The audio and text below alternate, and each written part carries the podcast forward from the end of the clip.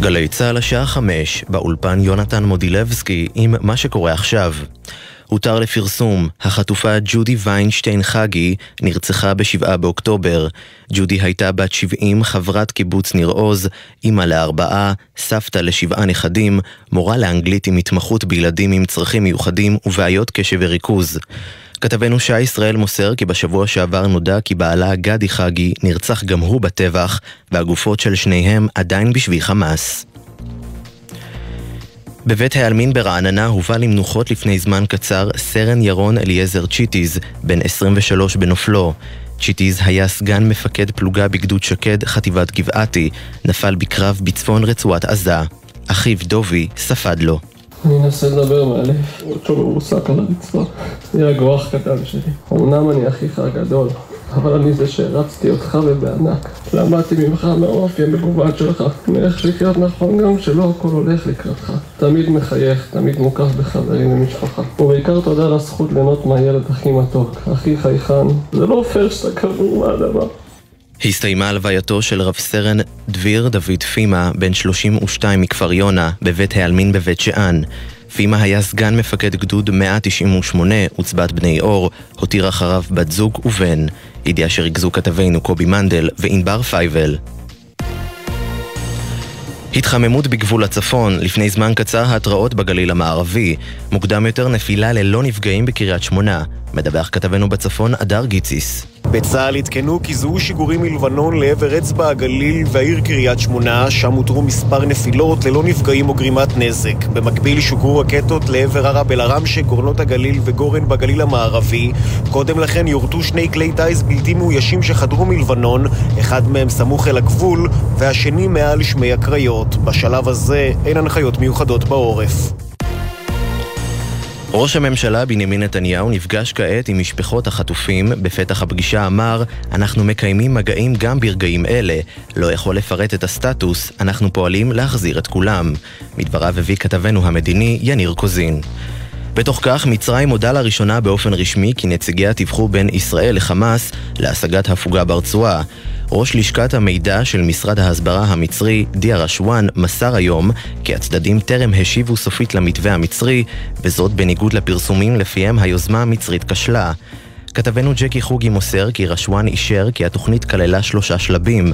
הראשון בהם הוא שחרור חטופים ישראלים ואסירים פלסטינים. עם קבלת התגובה מן הצדדים יגובש המתווה באופן מפורט ויובא בפני הציבור, כך לדבריו. השר חילי טרופר מהמחנה הממלכתי הגיש הצעה לממשלה להאריך את כהונת נציבת שירות בתי הסוהר בניגוד לעמדת השר לביטחון לאומי בן גביר.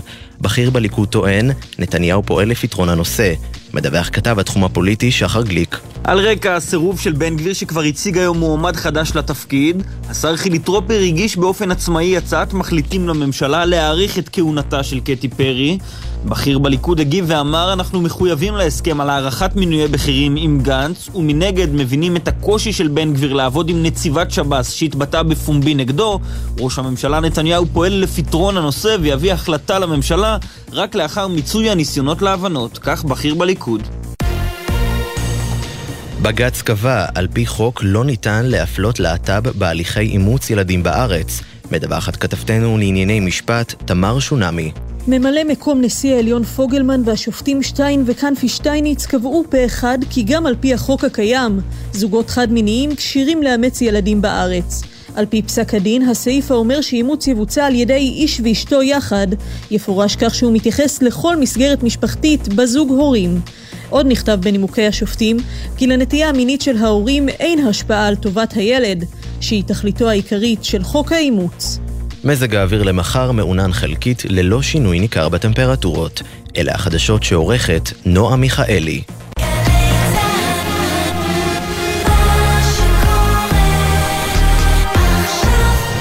בחסות ביטוח 9, ביטוח דיגיטלי המציע למצטרפים חדשים או מחדשים דחייה של חודשיים בתשלומי ביטוח הרכב. איי-די-איי חברה לביטוח, כפוף לתקנון.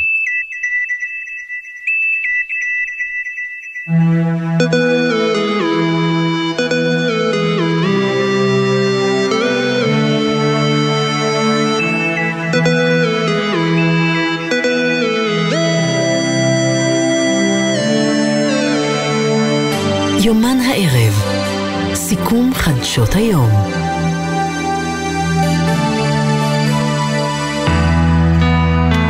שלום לכם, ערב טוב, היום ה-83 למבצע, למלחמת חרבות אה, ברזל. אנחנו uh, בעיצומו של, בשעות האחרונות, בעיצומה, הייתי אומר, של, uh, של מטחים על גבול הצפון, והערב הזה, רן יבנאי, ערב טוב. ערב טוב, אמיר. אנחנו הערב הזה אורחיה של התעשייה האווירית, אנחנו כאן במתקנים. בלב התעשייה האווירית. בדיוק. אי אפשר להגיד איפה. ותבינו רק מה, כשאנחנו מדברים תעשייה האווירית, כשאתם שומעים שטיל טיל שנורה מתימן מיורט מעל ים סוף, זה התעשייה האווירית. אז מה שפוגע בטיל הזה זה חץ מתוצרת התעשייה האווירית. או אה, מל"טים כאלה ואחרים שפועלים מעל עזה, או כמעט הייתי אומר, אה, כל דבר שעף בשמיים, כמו השיר, כל דבר שעף בשמיים ונראה, אז כמעט כל המל"טים, בעצם כל המל"טים היום שנמצאים אה, בשירות צה"ל וארגוני הביטחון האחרים הם מתוצרת אלתא של התעשייה האווירית. בקיצור, זו הסיבה שאנחנו כאן הערב הזה, רן, ואנחנו מאוחר יותר נדבר כאן עם מנכ"ל התעשייה האווירית, שצריך לומר... בדיוק, בועז לוי, שפרויקט החץ...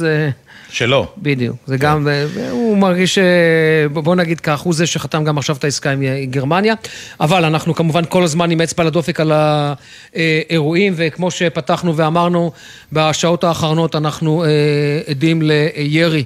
בלתי פוסק של חיזבאללה, גם רקטות, גם כלי טיס בלתי מאוישים. שלום, הדר גיציס, כתבנו בצפון. שלום אמיר בהחלט, זה עוד יום מתוח אה, בגבול הצפון, מלחמה של ממש שנמשכת גם אה, היום הזה משעות אה, הבוקר, שני כלי טיס בלתי מאוישים חדרו לשטח ישראל, אחד מהם יורט סמוך אל הגבול, הופעלו התרעות בגליל העליון והכלי השני למעשה יורט באזור הקריות. זה מאוד חריג, אני חושב שלראשונה זה יותר מחודשיים, הופעלו התרעות באזור הקריות, בקריית ים, בקריית ביאליק, גם באזור עכו ועין המפרץ. היה, היה במסריק, לא? בשבוע הראשון. נכון, במסריק בשבוע הראשון, אבל מאז כאמור זה פחות או יותר חודשיים שלא נשמעו שם אזעקות, הרבה מפונים נמצאים גם באזור הזה ולכן זה זרק תבהלה, אבל אחר כך אה, התבררה התמונה המלאה כשלוחמי ההגנה האווירית למעשה יירטו את כלי הטיס שהצליח להגיע עד אזור הקריות. במקביל אה, גם זוהו שיגורים לעבר אה, הגליל העליון, אחר כך נפילות בקריית שמונה, היו שם קודם כל נפילות ואחר כך אזעקה בשטח העיר אין נפגעים ואין אה, נזק אה, במטח הזה, אחר כך הירי התרחב גם לגליל המערבי, לערב אל-ערם של גורלות הגליל, לגורן, ואנחנו רואים באחרונה, אחרי פגיעות הנ"ט בבתים פרטיים וגם ירי רקטי לאזורים מיושבים, שבארגון חיזבאללה די זנחו את המשוואה הישנה, כבר פחות טילי נ"ט למוצבי צה"ל, יותר ירי לעבר מרחבים אזרחיים, הרס שהם מצליחים לייצר כי הם הבינו שהם נכשלו בניסיונות שלהם לפגוע בחיילי צה"ל, הרי הם איבדו יותר מ-129 מחבלים מתחילת המלחמה אל מול מספר מצומצם של חיילי uh, צבא ההגנה לישראל שהצליחו uh, לעמוד איתן מול הניסיונות וגם המון חוליות. אני חושב גם שהדר, אתה יודע, המשוואה הזאת זה משהו שאנחנו יצרנו לעצמנו בראש. משהו שקיים, שאם חיזבאללה עושה ככה, אנחנו עושים ככה, וההפך. בסוף, אה, אתה יודע, חיזבאללה בא להשמיד. אני חושב על בעניין הזה שבארגון חיזבאללה מצליחים עכשיו להציג איזושהי, איזושהי תמונה של הישג באמצעות הרס נדל"ני. ראינו זאת אה, עם פגיעות של טילי נ"ט בבתים פרטיים, אתמול בקריית שמונה עם אה, פגיעות בבנייני מגורים, זו פגיעה בבטן הרכה של הישראלים, הם מבינים שזה גורם אה, ללחץ מסוים, זה גם מראה לעולם, תראו מה אנחנו עושים בישראל, אבל אם אנחנו מסתכלים היטב על מה שקורה בשטח, לא מעט יעדים של ארגון חיזבאללה מושמדים מדי יום. התקיפות נעשו כן. עמוקות יותר, אמיר יוכל להרחיב על כך, ובשורה התחתונה הירי נמשך והתושבים גם היום זועקים, אנא, תנו גז מה שנקרא. אה, אפילו לחץ אה, כבד יותר, כי מה שקורה בצפון לא יכול להימשך. הדר גיציס, כתבנו בצפון, אה, תודה רבה לך בשלב הזה. בעזה צה"ל חשף יותר מ-65 מיליוני קבצים תוכניות מבצעיות, מפות של פירי מנהרות ומיקומי אה, מטענים אה, שאותרו אה, שמה. איתנו דורון קדוש, כתבנו לענייני צבא וביטחון, שלום לך, ערב טוב. שלום, שלום לכם. תראו, אנחנו מדברים על שלל... כמות לא נורמלית, שלל מטורף. ממש ככה, וזה שלל מודיעיני למעשה, שנתפס בעיקר בתוך שטח הרצועה, אגב, גם על מחבלי הנוח'בה שנכנסו לכאן לארץ ב-7 באוקטובר, גם עליהם נתפסו דברים מסוימים, אבל עיקר הדברים, המסה הגדולה, זה באמת בתוך הרצועה, בטח ובטח במוצבים של חמאס, מנהרות של חמאס, מפקדות, אבל גם בבתים פרטיים של כל מיני פעילים ומפקדים בארגון, גם שם מצאו לא מעט דברים שזה זהב ממש, בואו תשמעו כמה דוגמאות. למשל, מסמך שיש בו הצעות למקומות שבהם ניתן להחזיק חטופים, ממש בתים ספציפיים שבהם חמאס תכנן להחזיק חטופים. אתם יכולים לתאר לעצמכם מה החשיבות המודיעינית של מסמך כזה במטרה לנסות ולהגיע לחלק מהחטופים הישראלים. אתה יודע לצורך העניין להגיד לנו האם צה"ל עשה בזה שימוש, באמת הגיע לבתים האלה? בוודאי עשו שימוש בכל מסמך כזה, אה, וכמובן, קודם כל בדקו את המהימנות שלו, בדקו הצלבה בין זה לבין מידע מודיעיני שיש לצה"ל ממקורות אחרים, ולאחר מכן עשו את הבדיקות הנדרשות. אה, בין היתר, אגב, ראינו שם הנחיות במסמכים האלה למחבלי חמאס, איך הם צריכים לנהוג בחטופים. אני אתן לכם ציטוט, למשל, לספור אותם, לברר את המקצועות שלהם, זה דבר שמאוד מעניין את חמאס, להפשיט אותם, לאיים עליהם, כל הדברים האלה נכתבו שם. עוד משהו שאנחנו אה, יודעים להגיד היחיד שנמצא בתוך המסמכים, פירוט של מיקומי משגרי הרקטות של חמאס וגם לאן כל אחד מהם מכוון, אז היעדים לא יפתיעו אתכם כל כך, אנחנו מדברים על תל אביב, אשקלון, אופקים, הרבה מאוד לנתב"ג וגם לבסיסים חשובים של צה"ל, העיקריים שאני ראיתי לפחות במסמכים בביקור שלי היום באמ"ן, בסיס אורים של אגף המודיעין שנמצא קרוב לעוטף עזה אה, וזה בסיס אה, מרכזי ומשמעותי נגיד, ובסיס שדה תימן. נגיד שחלקו חלקו הותקף, אנחנו uh, זוכרים ב-7 באוקטובר. הסיפור שם, באירועים טוב, לא, לא נפריע לדור, ניסו, הוא צודק. כן. ניסו לתקוף אותו, לא הגיעו לשם בגלל טעות. לא, לא, הם טעו בניווט, הם טעו כן. בניווט, הם הגיעו עם תרשימים מאוד מאוד מפורטים של הבסיס הרגיש הזה, טעו בריגול, במקום לקחת ימינה, פתחו דלת לא נכונה. לקחו שמאלה ונתקלו בלוחמים. הם כן הגיעו כן. לבסיס אורים, פשוט לבסיס אורים של פיקוד העורף ולא של אמ"ן, נכון. יש שניים כאלה, הם די סמוכים אחד לשני. אה, בנוסף, אגב, משגרי רקטות גם היו מכוונים לבסיס אה, שדה תימן, שבו יושבת אה, מפקדת חטיבת גבעתי בין היתר. נמצאו שם מסמכים אסטרטגיים, למשל הערכת המודיעין השנתית של חמאס, זה מסמך שקיים. מצגת של חשיבה לשלבים להכרעת ישראל, ממש מסמכים שיש להם מבחינת חמאס משמעות אסטרטגית גדולה, אה, פרוטוקולים של דיונים בראשות מוחמד דף וגם חומרים שמתייחסים למצבה של ישראל בשנה שלפני המלחמה. הם עקבו מקרוב אחרי ההפגנות, אחרי הקרע הפנימי בישראל בשנה כן. שקדמה למלחמה, גם חומרים שקשורים לזה נמצאו. נגיד שהייתה שם גם תוכנית, שמ... אה, תוכנית שמפרטת את המגננה של חטיבת העיר עזה, תוכנית מפורטת למ... למדי, 78 עמודים, חלוקה מסודרת לגבולות גזרה של מחלקות, של גדודים. לכל חטיבה בחמאס, אגב, היו ממש ציונים מסודרים לאיך הם מכינים את המנהרות שלהם. לצורך הדוגמה, חטיבת העיר עזה קיבלה את הציון 81 וחצי על מוכנות המנהרות שלה לקראת התקפה של ישראל. אה, היו שם גם חומרים שמחזקים את הלגיטימציה הבינלאומית של ישראל, נעשה בהם שימוש אל מול כלי תקשורת בינלאומיים, למשל תמונות של אה, מחבלי חמאס עם סממנים של דאעש, מסמכים שמפרטים איזה שימוש צבאי חמאס עושה בבתי חולים, וגם ספר שקוראים לו שנאת היהודים, שאותו כתב בכיר הלשכה המדינית של כן, לא חמאס, לא, מחמוד הזהר. לא, לא, ממש לא מפתיע אותנו. טוב, אנחנו אה, נודה לך בשלב הזה, אנחנו חייבים לרוץ. אה, כתבנו לענייני צבא וביטחון דורון קדוש, תודה לך על הדיווח תודה, הזה. תודה, תודה. תודה. אה, אמיר, אני, אני רוצה לשאול אותך, הערכת המודיעין השנתית שדיבר עליה דורון, של חמאס, ישראל מכירה אותה? אה, תראה, אני מניח... הכירה מניח אותה? ש, תראה, אני, אני, אני מניח שכן, אבל אני לא יודע אם יגידו עד הרזולוציה הזאת, ומה שמדהים בעיניי זה ה-copy-paste שהם עושים. מצה"ל לחמאס. אני מדבר כרגע כן. על הסדר, הם מבינים שלסדר, ובעניין הזה גם להערכות מצב מסודרות, יש חשיבות בעוצמה. ואתה רואה ממש, גם לישראל יש הערכת מצב אה, שנתית, גם לישראל יש ביקורות אה, פתע עם מתן ציונים. תגיד, זה... מי אמר, אני לא רוצה לתת ציונים לחמאס, אבל מי אמר, אה, מי אמר את האמרה הזאת, חמורים עם כפכפים, ומה אתה לא רוצה? זוכר, אבל לא תשמע, זה, זה פשוט כנראה באמת לא התייחסו ברצינות, לפחות למה שאנחנו יודעים בתור, בתור אזרחים, אתה יודע, ש, שכאילו רואים, רואים גם את התוצאות. והיחידה הזאת, היחידה הזאת, צריך להגיד, היחידה הזאת שהספיקה את כל החומר, החומר הזה, זו יחידה שקוראים לה המשט, שזה איסוף אה, שלל ומידע טכני בשטח. המון שלל. יהיו, כן, זה תבין, זו יחידה שממש, אה, ברגע שהבינו שיש כל כך הרבה, אה, כל כך הרבה מודיעין מהשטח, זו יחידה שבפחות משבוע, תשמע מה שאני אומר לך, היא מנתה מבודדים מאות. מאות אנשים גויסו. גויסו במיוחד, ואנשים, אנשים בשנ... בעשור השישי והשביעי לחייהם. שהם בעצם ממיינים את כל החומר כן, הזה, מזקקים אותו. מומחים, זה מומחים, זה, כן. פה, אתה, פה זה ממש אתה צריך את המומחיות של האנשים, אני אומר לך, מאות אנשים, אבל אני כבר לא מדבר איתך על בני 40-50, גם 60 ו-70, מומחים שהובאו במיוחד ליחידה, אני דיברתי עם כמה מהם, זה מדהים מה שהיחידה הזאת לא עשתה יאמן. והפיקה. טוב, אה, קיבוץ אה, ניר עוז הודיע לפני אה, זמן קצר שג'ודי ויינשטיין חגי נרצחה אה, ב-7 באוקטובר וגופתה אה, מוחזקת בידי אה, חמאס. שי ישראל, כתבנו שלום לך. כן, שלום רן, שלום אמיר. לצערנו אנחנו מקבלים הערב בשורות קשות. אה, קיבוץ ניר עוז הודיע לפני זמן קצר על הירצחה של ג'ודי ויינשטיין חגי ב-7 באוקטובר, שהיא הייתה מוגדרת עד כה כחטופה. גופתה, כמו שאמרת, מוחזקת בשבי חמאס. ג'ודי הי- הייתה בת 70, חברת קיבוץ ניר עוז, אימא לארבעה, סבא לשבעה נכדים, מורה לאנגלית עם התמחות בילדים עם צרכים מיוחדים, והיא היא- היא טיפלה בילדים עם חרדות בעקבות המצב בעוטף עזה, משוררת, יזמית, אוהבת ליצור ומסורה אה, לעשייה למען שלום ואחווה. אה, עד, עד, עד עכשיו אנחנו ידענו שהיא נפצעה במהלך הטבח ב-7 באוקטובר, כעת הותר לפרסום כי נרצחה באותה השבת.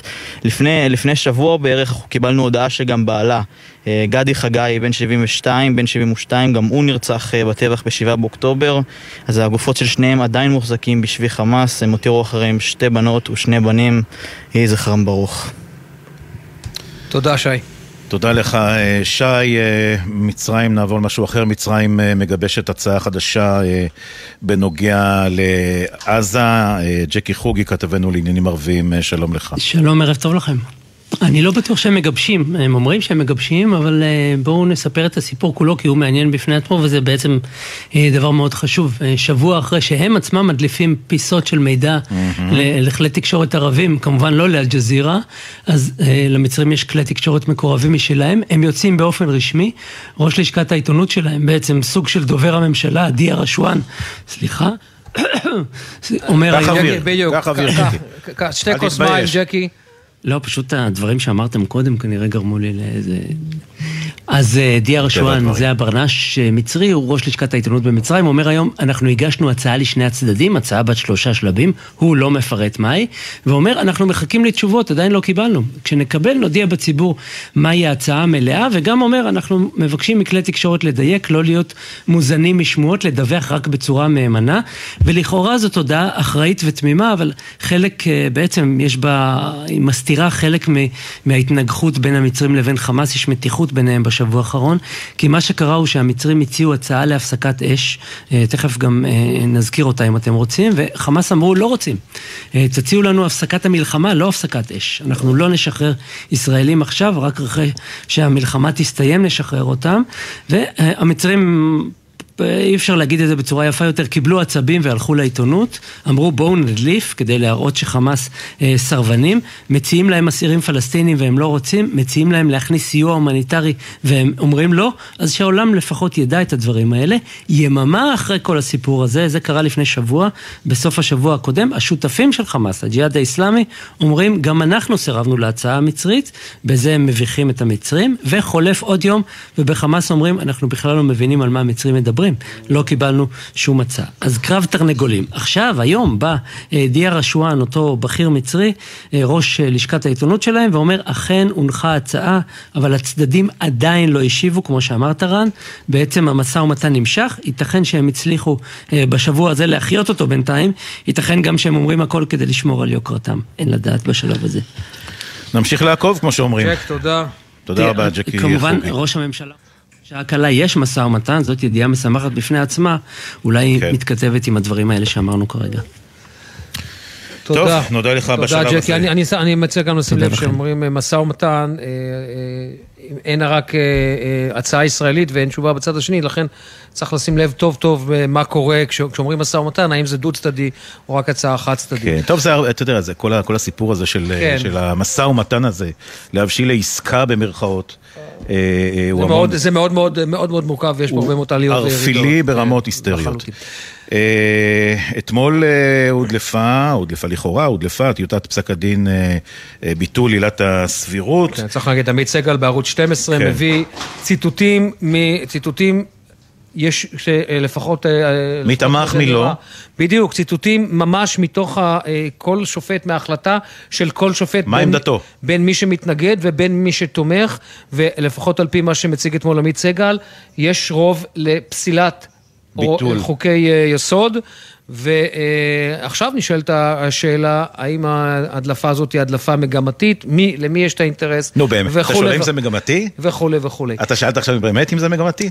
כל הדלפה היא מגמתית, זה ברור. נו. השאלה היא, השאלה היא פעם, מה- עומד, אה, מה עומד מאחורי זה. אוקיי. תמר שונמי, כתבתנו לענייני משפט, שלום, את מצטרפת אלינו. תמר? תמר, את איתנו? טוב, לא. תמר תהיה איתנו, אה, תהיה איתנו עוד. מעט, רק נאמר בעניין הזה אה, שהמערכת הפול- המשפטית סוערת וממלא מקום אה, הנשיאה מוציא אחר הצהריים אה, הודעה חריפה שמגנה את ההדלפה. כן. זהו, עד כאן הפרק החדשותי ועכשיו אנחנו רוצים אה, להגיד שלום וערב טוב לבועז לוי, מנכ"ל התעשייה האווירית. שלום, ערב טוב. שלום בועז, קודם כל שמחים אה, להתארח אצלך ונזכיר שראיינו אותו, שהוא היה בגרמניה. נכון. אבל נכון? רגע, לפני כן. נו. בועז לוי, מהיום יש לו תואר נוסף. סבא בועז. סבא בועז. מהיום? היום היה הברית. מזל טוב. כן. קודם כל מזל. טוב גדול. תודה רבה. הרבה בריאות ובהצלחה, כמו שאומרים. תראה את החיוך, זה כן, רדיו, כן, אבל לא, אתם זה- צריכים לראות את החיוך. הוא מרוח. מרוח כמו שצריך. אה, אנחנו שמחים להתארח אצלך כאן, אה, סיירנו, ראינו קצת אה, מה שאפשר לומר וכאלה. ואני רוצה לדבר איתך בעצם בהקשר של מלחמת אה, חרבות ברזל, כי בעצם כל מה שמייצרים כאן בערך בתעשייה, לא, לא הכל, אבל רוב המוצרים, אנחנו שומעים עליהם ב, לפעמים בחדשות, במיוחד בחץ אה, שלוש, אה, שירת אה, מטרה מחוץ לאטמוספירה, איזשהו טיל בליסטי שנורה על ידי... יותר מאחת, לדעתי כמה? שלוש? כן, שלוש. שלוש? שלוש. נדמה לי שלוש. שלוש, שלוש שירו החות'ים. שיגרו החות'ים, מל"טים למיניהם שעושים כל מיני עבודות כאלה ואחרות. בעצם מוצרי- נתחיל איתך עם מוצרי ההגנה ונעבור למוצרי ההתקפה אם אפשר. כן, אז uh, תעשייה אווירית, כמו שאתם יודעים, כשמה לא כן הוא, והיא עוסקת בהרבה יותר מאשר אווירית. Uh, המוצרים שלנו הם בחלל, באוויר, ביבשה ובים, ואני חושב שהתרומה היחסית שלנו למלחמה מתחילה דווקא מהחלל. מי שנתן את תמונות הלחימה הראשונות זה הלוויינים שלנו, שפיצו בעצם על אה, יכולות אחרות.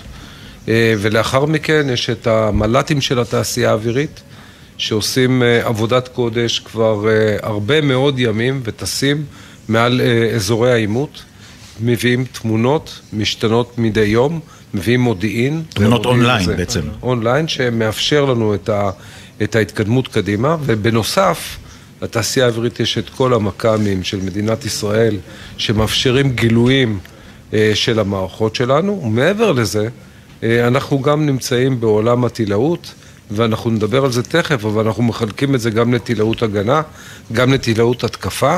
יש לנו מערכות גם כאלה וגם כאלה, אני ארחיב תכף, והייתי רוצה להוסיף עוד משפט אחד. במלחמה הזאת תעשייה אווירית גם פעילה מאוד ביבשה. אני רק, אני, אני חייב לשאול אותך הרי, כמנכ"ל התעשייה האווירית, אה, אני חושב שאתה מסתכל על המלחמה הזאת, ואתה יכול להיות מרוצה, כמובן בזווית שלך, אתה יכול להיות מרוצה מדבר אחד. בפעם הראשונה שהחץ היה לו, אה, הייתה לו, היה לו מבחן מבצעי, אתה יודע מה, אל, אל תענה על מה שאני אגיד. מבחן מבצעי ראשון רשמי של החץ, והחץ עומד בהצלחה. רגע, לפני שענה, נגיד שמבחן כזה, אם רוצים לעשות, עולה הרבה כסף. פה זה החינם בעצם. זה נכון שזה עולה הרבה כסף, ולהוכיח מערכת הגנה מטילים זה דבר מורכב. אבל פה יירטנו את הדבר האמיתי, וזאת הגדולה. כן. אתה תמיד יכול לייצר סימולציות של מטרות וליירט מטרות דומות, אבל כשאתה מיירט פה מטרה שמגיעה מתימן לכיוון אילת, ושלא נתבלבל, זאת מטרה שמיוצרת באיראן, זאת מטרה שאנחנו יודעים עליה באיום הייחוס שלנו, ואנחנו התמודדנו איתה והירטנו אותה בגבהים שונים, מחוץ לאטמוספירה, כך שבעצם אנחנו היום מרגישים טוב עם היכולת ההגנתית הרב-שכבתית של מדינת ישראל. אתם הייתם, אני חייב לשאול אותך את השאלה, הי- הייתם בריל טיים גם אה, במהלך היירוט, הייתם על המערכות כדי לראות, לבדוק, לייעל, לייעץ? מי שמפעיל את המערכות האלה זה חיל האוויר. כן. מערך הגנה אווירית שעושה עבודת קודש.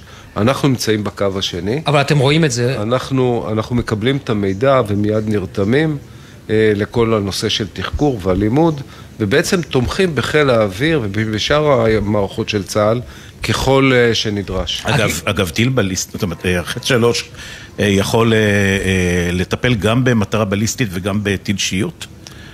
חץ שלוש, מטרה בליסטית וטיל שיוט זה שני כן, כן דברים כן, שונים לחלוטין. אנחנו מדברים פה לא סתם על מטרה בליסטית. אנחנו מדברים על מטרה בליסטית ארוכת טווח. אלפיים קילומטר, 1,600 קילומטר. באזור, באזורים של כאלפיים קילומטר, שממריאה לגבהים של 500 קילומטר ויותר, ויודעת לעשות מעוף במהירות אדירה. פה אנחנו צריכים להגיע לנקודה שבה אותה אנחנו מתכננים מראש ולנסות לפגוע כדור בכדור. זה לא דבר של מה בכך וזה הרבה יותר מורכב מכל המערכות האחרות. לגבי טילי, טילים שתיארת מקודם, טילי שיוט ואחרים, הם נעים בתוך האטמוספירה, הם מנוהגים על ידי כנפונים. הם, הם מטופלים על ידי מערכות אחרות לגמרי, ולכן הזכרתי את מערכת ההגנה הרב-שכבתית של ישראל. חטא 2 גם השתתף ביירוטים מעל הים אדום? חטא 2 גם השתתף ביירוטים ועשה עבודה משולבת. אה, כמו שהוא צריך לעשות. כלומר, היה גם יירוט שהוא בתוך האטמוספירה מעל הים האדום על ידי החץ 2, שזה גם לא ניסוי אה, ראשון, רשמי. אני כל הזמן לא, רשמי. אני לא... אה, לא, סליחה, אני, זה, זה, בוא נגיד ככה, שזה הצלחה מבצעית רשמית ראשונה של החץ 2. אני לא אכנס לדברים לא, האלה. אני, אני אומר, ומי ש... אני רק אגיד שחץ 2 יודע ליירט בתוך האטמוספירה ומחוץ לאטמוספירה, ובוודאי שאני לא אגיד כאן את גובה היירוט. אגב, עיניים איראניות, אתה בטוח, מתארלים לעצמנו שעיניים איראניות עכשיו היו על, ה, על כל היירוט הזה, על תוצאותיו כמובן, ועל הצגת היכולות של חטא 2 או חטא 3. אני מניח, ש... אני מניח שכמו שאנחנו בוחנים את האיום האיראני, הם בוחנים אותנו. אה, כדי אה, ליירט אה, טיל בליסטי מהסוג הזה, צריכים מכ"מים מאוד מתקדמים, שיגלו אותם בטווח רחוק מאוד ובגובה רב מאוד.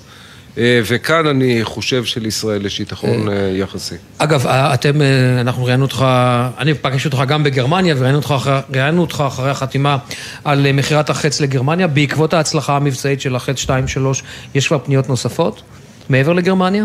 אנחנו, אנחנו כרגע במלחמה, אנחנו עובדים עם גרמניה. בצורה אדוקה, באמת החוזה שדיברנו עליו מתקדם. הם גם, הם גם מעודכנים בביצועים של החץ בלחימה הזאת? בוודאי, כי כל העולם מעודכן, כי הדברים האלה יצאו לתקשורת בצורה מהירה מאוד. אני חושב שזה נותן רמת סמך, גם למדינת ישראל, אבל כן. גם להם כלקוח. אני מבין אה, שיש עוד מדינות שנדרשות למערכות מהסוג הזה, אבל מדינות, אה, מדינות כאלה צריכות לפנות בערוצים המתאימים. תחת, אה, תחת הסכמים ביטחוניים מתאימים בין המדינות, ולכן התהליכים האלה ייקחו זמן. שים לב מה אומר לנו כאן עכשיו מנכ"ל התעשייה האווירית. יש לקוחות נוספים שרוצים לקנות את החץ, צריך עכשיו שממשלה תדבר עם ממשלה. אז אני פשוט, אני מפרש את מה כן, שהמנכ"ל... לא, גם אז אמרת לנו ברעיון, הוא נכון. סיפר לנו את זה גם. אה, בעצם הלקוח, ממשלת גרמניה, עשתה בעצם עסקה כן, טובה לא, מבחינתה מאוד. השאלה היא השאלה היא מי הבא. מי הבא. וממשלת ישראל, אה, משרד הביטחון, אה, אנחנו חלק ממנו והוא חלק מאיתנו בכל הקשור לפעילות של התעשיות הביטחוניות. אני חושב שיש פה פעולה של יד תומכת יד. ואנחנו עובדים אה, בצמידות מאוד מאוד גבוהה בנושאים האלה. בועז, רציתי לשאול אותך, אנחנו מדברים, מדברים וגם רואים בעצם פגיעות של אה, כטמ"מים אה, מתאבדים, של, שבאים מסוריה, שבאים מלבנון, שבאים גם ממקומות אחרים, וכל ה, בעצם ה... החשש או ההסתכלות הארוכת טווח היא על נחילים כאלה. יש לנו תשובה? אז אני, אני אפריד את השאלה לשניים ברשותך. קודם כל, אתה יושב בתעשייה האווירית היום, אני לא יודע אם אתם יודעים, אבל המשוטט הראשון בעולם נולד כאן, בתעשייה האווירית, כי הוא החלאה באיזשהו מקום בין אה, מל"ט לבין טיל. חימוש משוטט. ובעצם חימוש משוטט הוא חימוש שממריא כמו טיל, משוטט כמו מל"ט ופוגע במטרה שלו כמו טיל שוב. משוטט כי הוא מחפש את המטרה בעצם. לתעשייה האווירית יש מגוון של אה, משוטטים. אה, שיודעים לפעול בטווחים שונים, עם ראשי קרב שונים, והם נמכרו גם בעולם, ואני אזכיר פה רק את מלחמת אזרבייג'אן-ארמניה, mm-hmm. שיש הטוענים שנוצחה על ידי נחילים של אה, משוטטים. אה, הנקודה האחרת זה נקודת ההגנה. נקודת ההגנה כנגד משוטטים, אז uh, התשובה נעוצה בגודל שלהם, במהירות הטיסה שלהם, ויש תשובות רבות לנושא הזה, אין תשובה אחת כוללת. יש מספר תשובות שאם משקללים את כולם, יודעים לתת מענה. כן, אבל עד כמה לצורך העניין, יש לנו היום, ממה שאתה יודע, מהמערכות שנמצאות בידי ישראל, יש לנו תשובה לאיום הזה, בעיקר בעניין, הרי בסופו של דבר לפגוע זה לא בעיה, הבעיה היא באיתור. נכון. אה, משוטט מהסוג הזה הוא קודם כל לא קל לגילוי. הוא קטן יותר. הוא, הוא קטן יותר, הוא טס נמוך יותר, אה, ולכן יש לנו יכולות לגלות, ואתם אה, רואים את היכולות האלה כל הזמן. רואים אותם במלחמה הזאת אולי יותר טוב מאשר ראינו בכל מלחמות העבר. מצד שני, אחרי שגילית, אתה כבר צריך להשיג ולמצוא את נקודת העירות הצפויה ולשגר לשם טיל, והוא יכול להגיע מהאוויר. הוא יכול להגיע מהקרקע, והוא אפילו יכול להגיע מהים. דיברת, אתה יודע, אנחנו מדברים אלתא, מי שלא מכיר את אלתא של התעשייה האווירית, זה בית המקם הישראלי, ולמעשה אה, כל המקמים של צה"ל, אני לא מכיר מקם אחר שהוא לא אלתא. אבל כשאתה מביט היום לצורך העניין על, על, על הלחימה, אה, ואתה, אה, אני, אני אהיה כאן מאוד, בוא נגיד ככה, אני אלך כאן בין הטיפות. בסופו של דבר, הלחימה, הלחימה שאנחנו מדברים על לחימה רב-זירתית, אתה צריך שיהיה לך תמונת מקם או תמונת שמיים מאוד מאוד אה, אה, נרחבת. ולא רק המכ"מים הישראלים מסתכלים, וגם מכ"מים אחרים מסתכלים, שהם גם מתוצרת שלכם. יש הרבה מכ"מים שמסתכלים באזור, אבל אה, גם כאן מכ"ם עובד למול שטח הפנים של המטרה. ככל שהמטרה יותר קטנה, יותר קשה לגלות אותו, ואז טווח הגילוי יותר קצר. יש לנו מגוון רחב של מכ"מים, הם פועלים גם באוויר, גם ביבשה וגם בים. כל אחד מהם רואה תחומים שונים, אורכי גל שונים. יש לכם כבר מסקנות שונים. ראשוניות, נגיד לצורך העניין, מנחילי המל"טים או מהמל"טים שחדרו לישראל? אתם, יש לכם כבר מסקנות שאתם אופרטיביות שיכולים לעשות עדכוני תוכנה כאלה ואחרים לצורך העניין לשיפור המכ"מים? אני חושב שאנחנו עובדים בצמידות מאוד מאוד גבוהה מול מערכת הביטחון, אמ"ן. אה, באמת השיתוף הפעולה פה הוא מדהים, יש לנו הרבה מאוד תובנות, מה שאפשר משקללים את זה, אנחנו עובדים במעגל סגור מהיר מאוד בין התעשייה לבין צה"ל. בועז, שאלה לסיום רגע, אה, אתה רוצה לשאול עוד שאלה, אמיר. אה, אתה יודע, שומעים אותנו עכשיו בבית, אה, אזרחים, אזרחיות, מהלכים אימים, כל מיני תרחישים כאלה ואחרים, הצפון והדרום ביחד, ודיברנו קודם על הנחילים. אזרחי ואזרחיות ישראל יכולים לישון בשקט. שאלה קשה לאחד שמוביל תעשייה. זו שאלה שצריכה להישאל יותר את אה, צה"ל ואת מערכת הביטחון. אבל כתעשייה ביטחונית מובילה במדינת ישראל, כזה, כזאת שמספקת הרבה מאוד מהצרכים של צה"ל ומשולבת בכל הפעילויות, אני חושב שיש לנו מענים, יש לנו מענים טובים ומתקדמים, אה, וצה"ל אה, רואה את ההיערכות הזאת בכל הגזרות שדיברתם עליה. ובוחר את הפעילות שלו. ברגע שהוא בחר את הפעילות שלו, אז אנחנו יודעים להתאים, בשפה שלנו, את החימוש למטרה. בועז לוי, מנכ"ל התעשייה האווירית, תודה. אה, סבא בועז, תודה. תודה רבה. תודה, ששוב שיהיה במזל טוב, תודה רבה. אה, אנחנו יוצאים להפסקה אה, קצרצרה של תשדירים, נשוב מיד אחר כך. אתם מאזינים לגלי צה"ל. אצלי בבית, אמא ואבא קונים רק פירות וירקות ישראליים. איך זה אצלכם? זה הזמן לחזק את החקלאים שלנו. מ-24 בדצמבר תחול חובת סימון ארץ המקור של תוצרת טרייה הנמכרת בתפזורת. לכן כשקונים פירות וירקות, דגים ומוצרי חלב, בודקים שזה ישראלי, שיש סימן שזה מכאן. קונים תוצרת ישראלית ושומרים על החקלאות שלנו. מידע באתר משרד החקלאות. מגישים משרד החקלאות ומועצת הצמחים. עמיתי מועדון חבר, מיצובישי מבית כל מוביל, עכשיו בהטבות סוף שנה בלעדיות על דגמי 2024, במיוחד בשבילכם. לפרטים כוכבית 5839 או באתר מועדון חבר. בתקווה לימים טובים יותר. זה הכל בשבילך, חבר.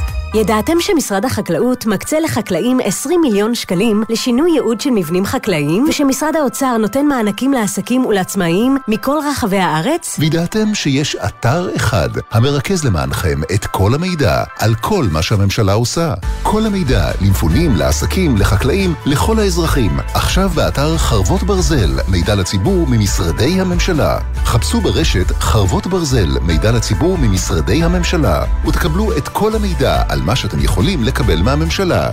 יחד ננצח. ג'יי גיב מזמינה אתכם להצטרף למאות אלפי ישראלים שכבר תרמו ולתרום למגוון עמותות ומיזמים בחזית ובעורף באופן בטוח. חפשו ג'יי גיב בגוגל. מאחורי השמות, בוקר טוב ישראל חולקת כבוד לנרצחים ולנופלים. תמיד עם חלומות משוגעים, חיוך ממזרי וחולצה להחלפה. וחלמה לעזור לילדים עם מוגבלויות באמצעות תרפיה עם כלבים. מפעל חייו היה הרפת. בכל בוקר נספר משהו קצר, פרט מידע, אירוע או חוויה שישפכו אור על מי שהיו ואינם עוד. בני משפחה וחברים המעוניינים לחלוק עמנו בסיפורים ובתמונות מוזמנים לעשות זאת באמצעות הדואר האלקטרוני זיכרון כרוכי glz.co.il מאחורי השמות, מדי יום ביומן הבוקר של גלי צה"ל עם אפי טריגר. יש אישה אגם גולדשטיין נחטפה לעזה. חווינו תחושות שאנחנו גם לא יודעות לדבר אותן לעצמנו. פשוט רק הגוף מרגיש. זה לא משנה מה אני אגיד, לא נבין. האחים הקטנים שלך, מתי הכי דאגת להם? אם רק אני ואימא לא נשרוד את זה, מה הם יעשו, לאן הם הלכו, מי יהיה איתם? וואי, הם כל כך צעירים. מה, הם לא הספיקו, הם לא יראו, הכל לפניהם. גלי צה"ל, פה איתכם, בכל מקום, בכל זמן. עכשיו בגלי צה"ל, רן יבנאי ואמיר בר שלום. חזרנו. אנחנו כאמור בשידור כאן מיוחד מהתעשייה האווירית, ועכשיו מצטרפת אלינו תמר שונמי, כתבתנו לענייני משפט. שלום תמר, ערב טוב. שלום אמיר, שלום רן. אז העדכון האחרון בסערה המשפטית צריך לומר, דברים חריפים מאוד שמפרסם ממלא מקום הנשיאה. נכון, אנחנו בעצם מדברים על היממה אולי אחת המתוחות והמורכבות ביותר שעברו על בג"ץ מאז הדלפת טיוטת פסק הדין בעתירות נגד ביטול עילת הסבירות אמש בחדשות 12 ועכשיו בעצם ממלא מקום נשיא העליון עוזי פוגלמן בהודעה חריפה במיוחד כותב הרשות השופטת רואה בחומרה רבה הדלפה של חלקים מטיוטות פסקי דין שלא הושלמה כתיבתם הניסיון להשפיע על הליכים מתנהלים ולפגוע באמון הציבור ברשות השופטת לא יצלח, והוא מבהיר, הנושא ייבדק עד תום, ההדלפה תיבדק עד תום, אבל רק לאחר הפרסום הרשמי של שני פסקי הדין, הוא אומר זאת לאחר שהוא בעצם קיים במהלך היום שיחות ופגישות עם כל עובדי אה, בית המשפט העליון וכמובן עם השופטים עצמם, ולגבי המועד של פרסום פסקי הדין, הוא מבהיר פה שהוא יתבצע במועד בהתאם לפרישתן של אה, הנשיאה חיות והשופטת ברון, כלומר בשבועיים הקרובים עד 12 בינואר, שני פסקי הדין, גם אה, על ביטול עילת הסבירות, גם על חוק הנבצרות, שני חוקי יסוד לפתחו של בג"ץ, בשבועיים הקרובים, זו ההודעה של פוגלמן מהשעה האחרונה. תודה. תמר, אנחנו כמובן... יהיה מעניין. כן, כן, כן. ימשיך להיות מעניין, מה שנקרא. ימשיך להיות תמר, תודה. תודה. שחר גליק, שחר גליק איתנו עכשיו כתב התחום הפוליטי, סערת מינוי ממלא מקום לנציבת שב"ס, על כך החליטה השר בן גביר, שלום לך. כן, שלום לשניכם, ערב טוב. אז השר בן גביר ממשיך לדבוק בעמדתו, הוא מסרב להאריך את כהונתה של קטי פרי, נציבת שירות בתי הסוהר, והיום הוא הולך צעד אחד נוסף, לא רק שהוא מודיע שהיא לא תוארך הכהונה שלה, אלא הוא גם מודיע מי ימונה להחליף אותה. ניצב קובי יעקבי, ואם השם הזה נשמע לכם מוכר, זה בגלל שהוא בעצם המזכיר הביטחוני של השר בן גביר בשנה האחרונה. אז בן גביר אומר, זה המועמד שלי להחליף את נציבת שירות בתי הסוהר. אבל בן גביר בעצם כבר הכריע בסוגיה שעדיין לא באמת הוכרעה, האם באמת כהונתה של קרי, קטי פרי תופסק ולא תוארך. אז אה, לפני אה, בערך שעתיים במחנה הממלכתי מחליטים להגיב באופן אה, פעיל. השר אה, חילי טרופר מגיש הצעת מחליטים בעצמו לממשלה. הרי לא רק השר לביטחון לאומי יכול להגיש, כל שר יכול להציע הצעת מחליטים כזו, והשר חילי טרופר מציע לממשלה להצביע ולהאריך את כהונתה של קטי פרי בניגוד לדעתו של השר לביטחון לאומי בן גביר, ובעצם הסיפור הזה יגיע מתישהו לפיצוץ. איזה פיצוץ ואיך הוא ייראה לא לגמרי ברור. מה זה פיצוץ? יש ראש ממשלה לממשלה הזו לא? מה זה, מה, מה זה? פיצוץ? יש, מה זה פיצוץ? יש לא- ראש ממשלה לממשלה הזאת, מה- לא? איזה פיצוץ, כן. ראש ממשלה, צריך להחל... צריך... הוא צריך לקרוא אליו שני שרים, את השר, אה, אה, את השר אה, בן גביר ואת השר גנץ, ולהגיד להם בגרסה של מי הוא תומך. נורא פשוט. ולשאת, כמובן, ובעניין הזה לשאת בתוצאות, בין, בין עם פרישה של בן גביר או בין עם פרישה של המחנה הממלכתי וגנץ. אז קודם כל הוא עשה את זה אתמול, נתניהו כינס את שניהם, אבל הפגישה הזו לא יצאה עם איזה שהן תוצאות, הוא באמת עדיין לא הצליח להכריע, כמו שאנחנו מכירים את נתניהו באופן קבוע. הוא יושב על הגדר עד שלא מגיע הדדליין, התאריך היעד הסופי, עד שהוא לא חייב להחליט, הוא לא מחליט, אבל אה, לפני כמה זמן בכיר בליכוד מוציא תדרוך לעיתונאים ואומר, מצד אחד אנחנו מחויבים להסכם עם בני גנץ על הארכת מינויי בכירים, כמו שנעשה עם נגיד בנק ישראל, כמו שיהיה עם מפכ"ל המשטרה, ומנגד אנחנו גם מבינים את הקושי של השר בן גביר לעבוד עם נציבת שב"ס אחרי שהיא התבטאה באופן אישי ופומבי נגדו, זאת אומרת נתניהו נשאר על הגדר, ראש הממשלה נתניהו פועל לפתרון הנושא, ככה אומר הבכיר בליכוד, והוא יביא החלטה לממשלה רק אחרי מיצוי הניסיונות להגיע להבנות.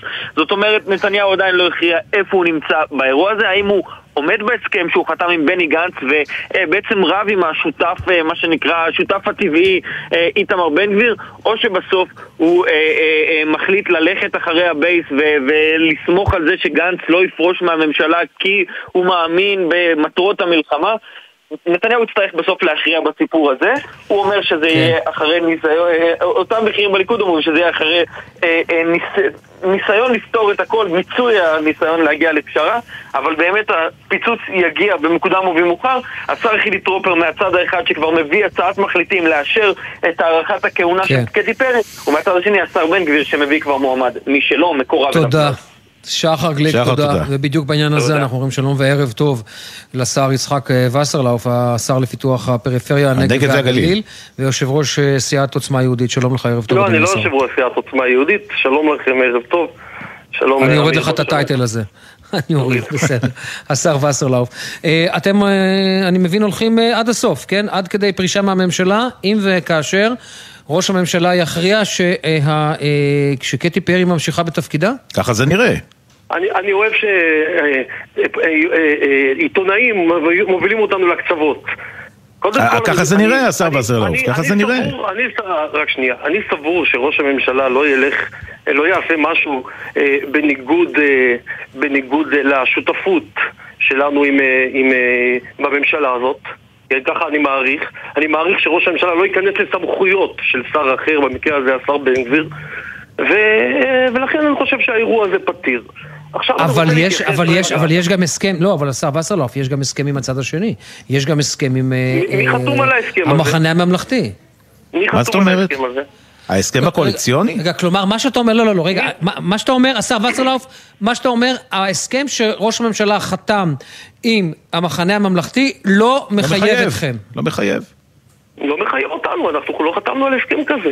היה מתכבד ראש הממשלה ומגיע אלינו בדברים שנוגעים אלינו, אם רוצה לחתום בשמנו על הסכם ושואל אותנו האם אנחנו אה, אה, מעוניינים, אם יש לנו בעיות, אם יש לנו דברים, דברים שנוגעים אלינו. כשאנחנו הגענו לנקודה שזה מגיע אלינו, אי אפשר להגיד לנו, "אתה- יש הסכם.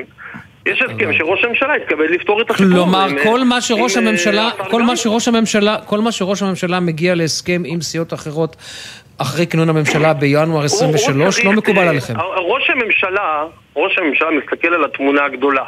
הוא לא יכול ל- ל- לעשות הסכם, למשל, לשים אותי כשר לפיתוח הנגב והגליל, ואז לשים אה, שר אחר, שר לפיתוח הנגב והגליל, כי הוא אומר, את זה כבר נתתי להם, אני לא יכול.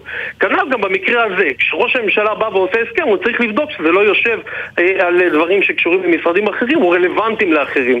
וככה בונים קואליציה, כשכל אחד יש לו את המש- את המשבצת שלו, את הקווים, את קווי היסוד שלו, וזה לא מתלבש על קווי יסוד של, אה, שותפו- של, של שותפים אחרים בממשלה. אז אם אני מבין אותך נכון, אם אני מבין אותך נכון, בעצם הדברים גמורים, אתה אומר, בעצם אנחנו לא מחויבים להסכם הקואליציוני הזה, יחד עם אה, ראש, עם אה, ראש הממשלה, אנחנו עושים מה שאנחנו רוצים, ואם זה פגע במישהו, פגע, מה אני יכול לעשות? אתה לקח- אמרת את זה בצורה קצת אה, דרמטית, אבל אני מסתכל על דברים בצורה פשוטה. אנחנו בירכנו, אנחנו בירכנו כשהשר גנץ נכנס לממשלה לדבר הזה. אנחנו חשבנו שזה מסר של אחדות וזה מבורך. והוצאנו הודעות על כך, ויחד עם זאת, ברגע שהם אה, מגיעים למקום מסוים שדורשים מאיתנו לממש הסכם שהליכוד עשה עם גנץ כשאף אחד לא בא אלינו ואמר לנו, יש השלכות, ההשלכות של זה הם א', ב', ג' אליכם, אתם מוכנים? אף אחד לא בא לדבר איתנו על זה, ואף- אז אי אפשר לבוא אלינו בטענות. ואני אומר לכם, אז, אה, אה, ברשותכם, אז בואו נדבר רגע על נציבת שב"ס. או שאתם לא רוצים להיכנס לזה, אבל אני, אני, אני רוצה להגיד משהו בעניין הזה. עם ישראל לא הכיר את נציבת שב"ס, את רוב עם ישראל, רובו המוחלט של, אה, של מדינת ישראל, תושביה ואזרחיה, לא הכירו את נציבת שב"ס עד אה, שלשום. כן, או עד אתמול. אה, לא מדויק, אבל בסדר. והם...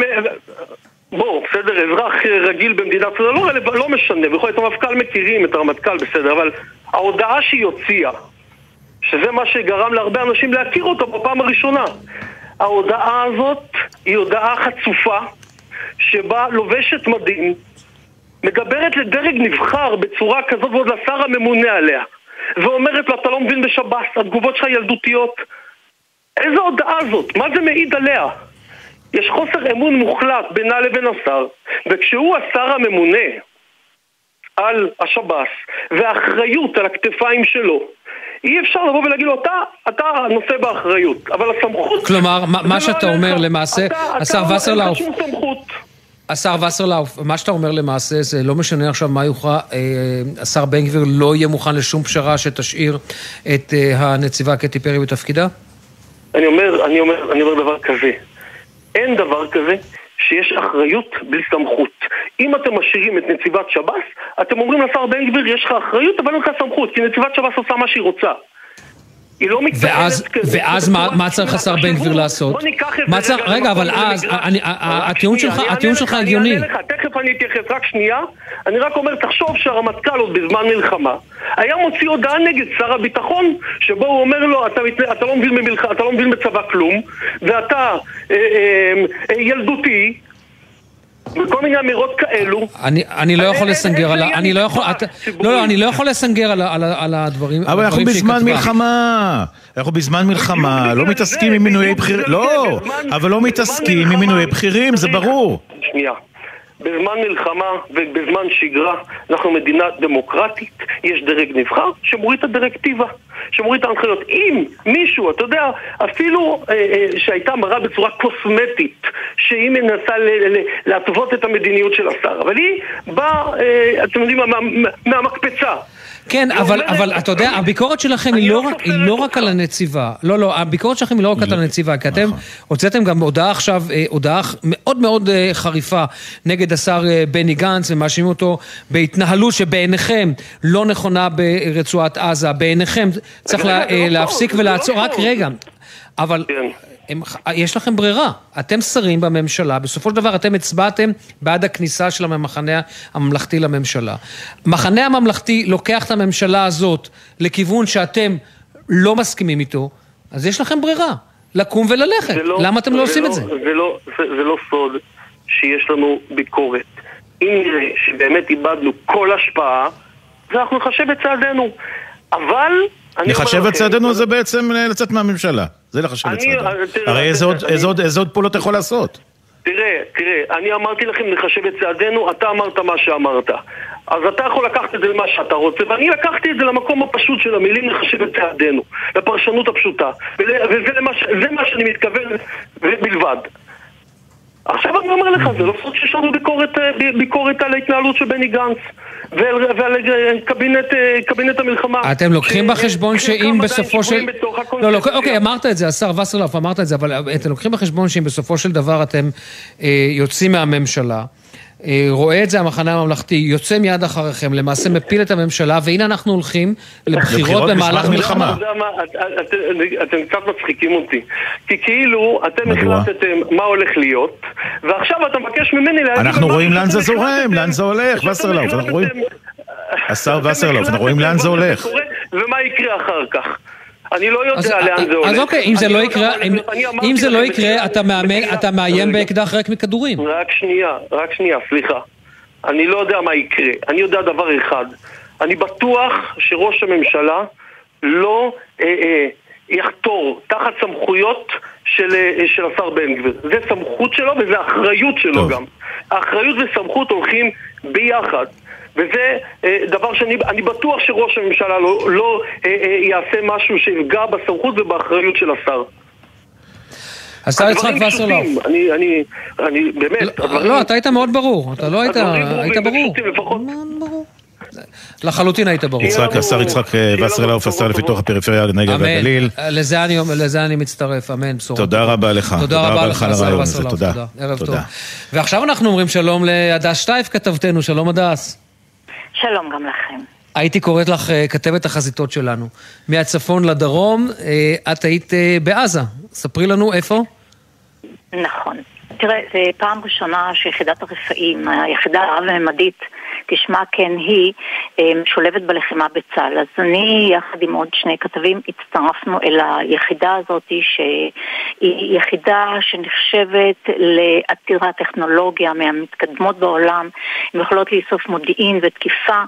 היא מורכבת, אמיר, מלוחמים, חלקם יוצאי יחידות מיוחדות, טנקים, טכנולוגיה שפותחה ועדיין מפותחת, טייסת רחפנים שאנחנו שומעים עליה אה, מפעם לפעם, והתפקיד שלהם בעצם לאסוף מודיעין באמצעות האמצעים האלה ולמצוא את המחבלים שנמצאים במקומות אה, שלא יודעים עליהם, הם יוצאים לשניות מהמחילות ואז הם נעלמים בתוכה. רק, ה, רק האמצעים האלה בעצם יכולים לתפוס אותם ואחר כך אה, לתקוף אותם ולחסל אותם.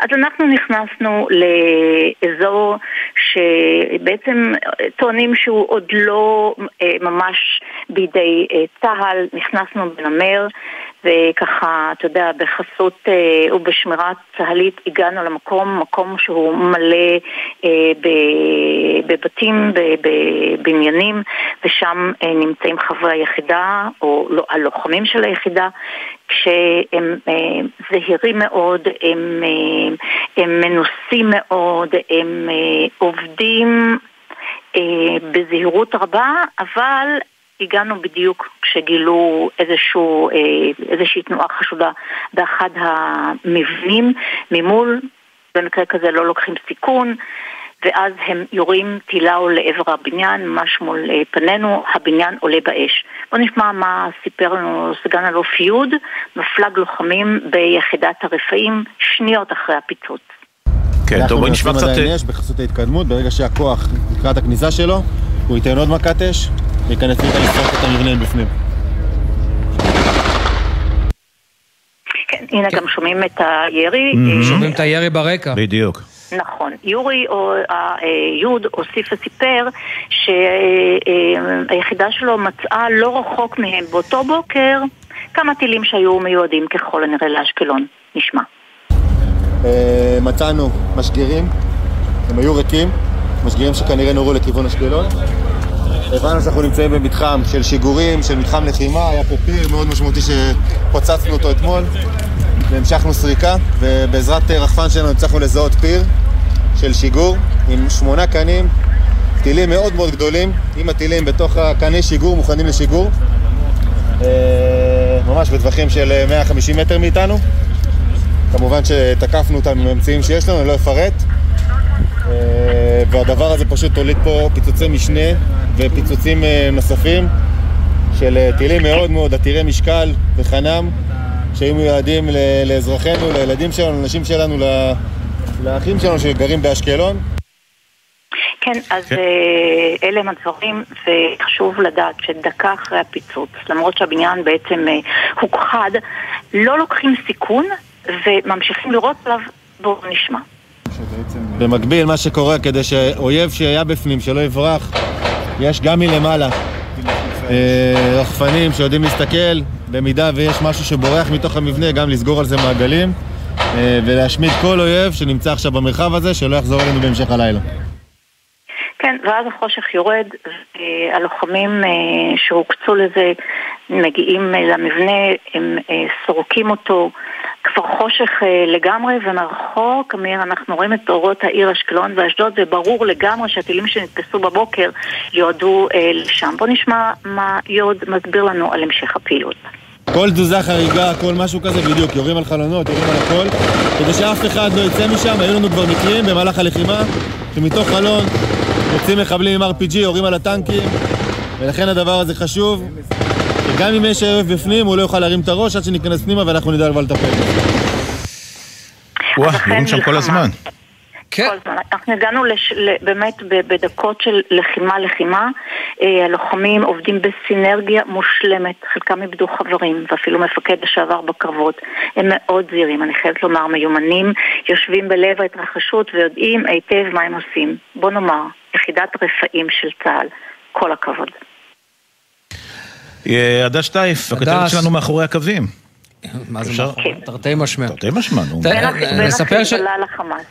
בין החיזבאללה, אני אספר רק ששלשום, אה, הדס, אה, עכשיו אנחנו יכולים לספר את זה, עלתה לרכס, עלתה לרכס רמים ותפסה אותה שם, אה, בוא נגיד ככה, הפצצה והפגזה גם יחד, מי שמכיר, והמקום הראשון שהיה לה להתחבא בו, אתה יודע מה הוא היה? נו. הדס, ספרי את. כן, זה היה, הייתה שם, השריונרים היו שם עם טנקים בקצה, הם אוספים, ואז הם סחבו אותי בתוך הבוט, הייתי עם מגפיים לבנות. ישר, ישר... לא אדומות, הלבנות. הלבנות. ישר, ישר לתוך הטנק, כי זה המקום היחידי בשטח. שאפשר להתחבא בו בשעות האלה, ובזמן הזה שיורים. ומי שלא עקב, מי שלא עקב, היא הייתה שם כמה שעות. כן, היא הייתה כמה שעות, וכן, מהתמונה של הדס מסתתרת בתוך הטנק. הדס, תודה רבה. תודה לכם. ושמרי על עצמך. כמובן, כמובן. אנחנו קבענו חומוס, כן? מתישהו עוד פעם. ברור, ברור. להתראות, הדס. תודה, הדס. להתראות. טוב, אני רק נדבר, אנחנו מיד מסיימים כאן את השעה הראשונה mm-hmm. בשידור המיוחד הזה שלנו כאן בתעשייה האווירית. נספר רק שבשעה הבאה יהיה איתנו, יהיו איתנו כאן בעמדה איתן אשת, הסמנכ"ל החדשנות של התעשייה האווירית. אחד, אני אומר, קודם כל זה אחד התחומים ואחד האנשים הכי מעניינים על הכיוונים העתידיים ועל הפיתוחים העתידיים של התעשייה האווירית. אנחנו מעניין. נשוחח גם עם סגן אלוף מ' שהיה מפקד אחד הכוחות הלילה באיו"ש, מבצע ענק בכל רחבי איו"ש. המון כסף. בדיוק, מבצע שכוון כל כולו לתשתית הכלכלית של חמאס, ומה שמעניין במבצע הזה, זה שהוא שילב לא רק את, ה, את העניין של הלחימה בתשתית הכלכלית, אלא גם, הוא היה מלווה גם בפעילות מבצעית, כי הגיעו פיזית למשרדים ומשרדי חלפנות כדי לשלוף משם הרבה מאוד מסמכים, והכניסה הזאת הצריכה הרבה מאוד כוח, מאוד מעניין מה שקרה הלילה ביהודה ושומרון. אני רק יכול להגיד לך, שחלק מקולות המבצע שמעתי ליד הבית שלי. טוב, אתה גר לא רחוק. גר לא רחוק. זהו, אנחנו מסיימים כאן את השעה הראשונה של יומן הערב ביום חמישי. כאמור, אל תלכו לשום מקום, הרבה מאוד נושאים מעניינים בצד השני של חדשות השעה שש. להתראות.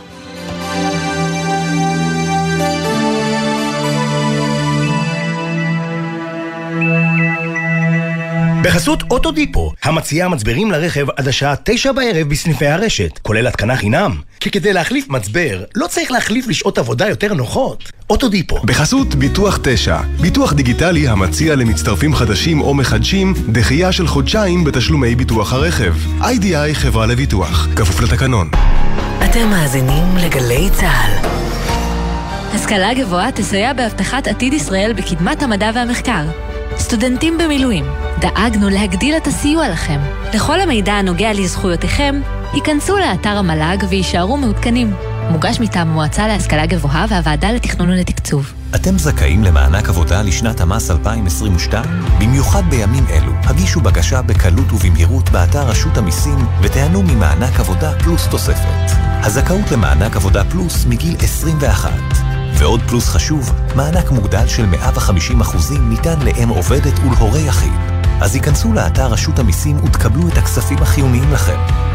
פרטים באתר ובחיוג כוכבית 4954. הורים, בדקתם שהאופניים החשמליים או הגלגינוע, קורקינט חשמלי של ילדיכם, מאובזרים כנדרש? שימו לב, חובה להתקין אמצעי נראות ופעמון ולרכוש רק כלים בעלי תו תקן שלא נעשו בהם התאמות לא חוקיות.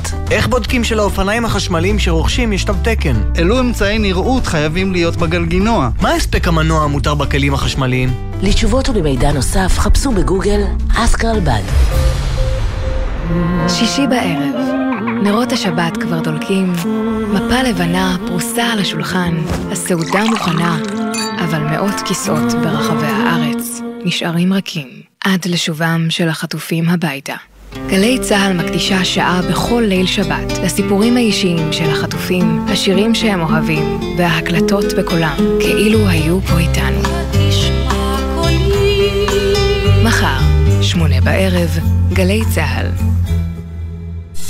סוף השבוע הוא הזדמנות להפוגה מהחדשות, לשמוע גם משהו שיעשה לכם טוב על הלב. בשבת, ירדן בר כוכבא ודידי שחר בתוכנית לילדים, ענבל גזית, בן וקובי פראג' ועינת שרוף, אוגרים כוחות לשבוע חדש. גלי צה"ל, כל מקום, כל הזמן. יחד במלחמה. מצאנו את הרדיו. וואו. אז זה הגביר לנו את הזמן. מצאתם רדיו? הנה הרדיו. זה הדבר היחידי שמחזיק אותנו. גלי צה"ל כל הזמן. זה הכוח, זה הכוח. זה והמשמעות שלנו. גלי צה"ל, פה איתכם, בכל מקום, בכל זמן. מיד אחרי החדשות, רן יבנאי ואמיר בר שלום.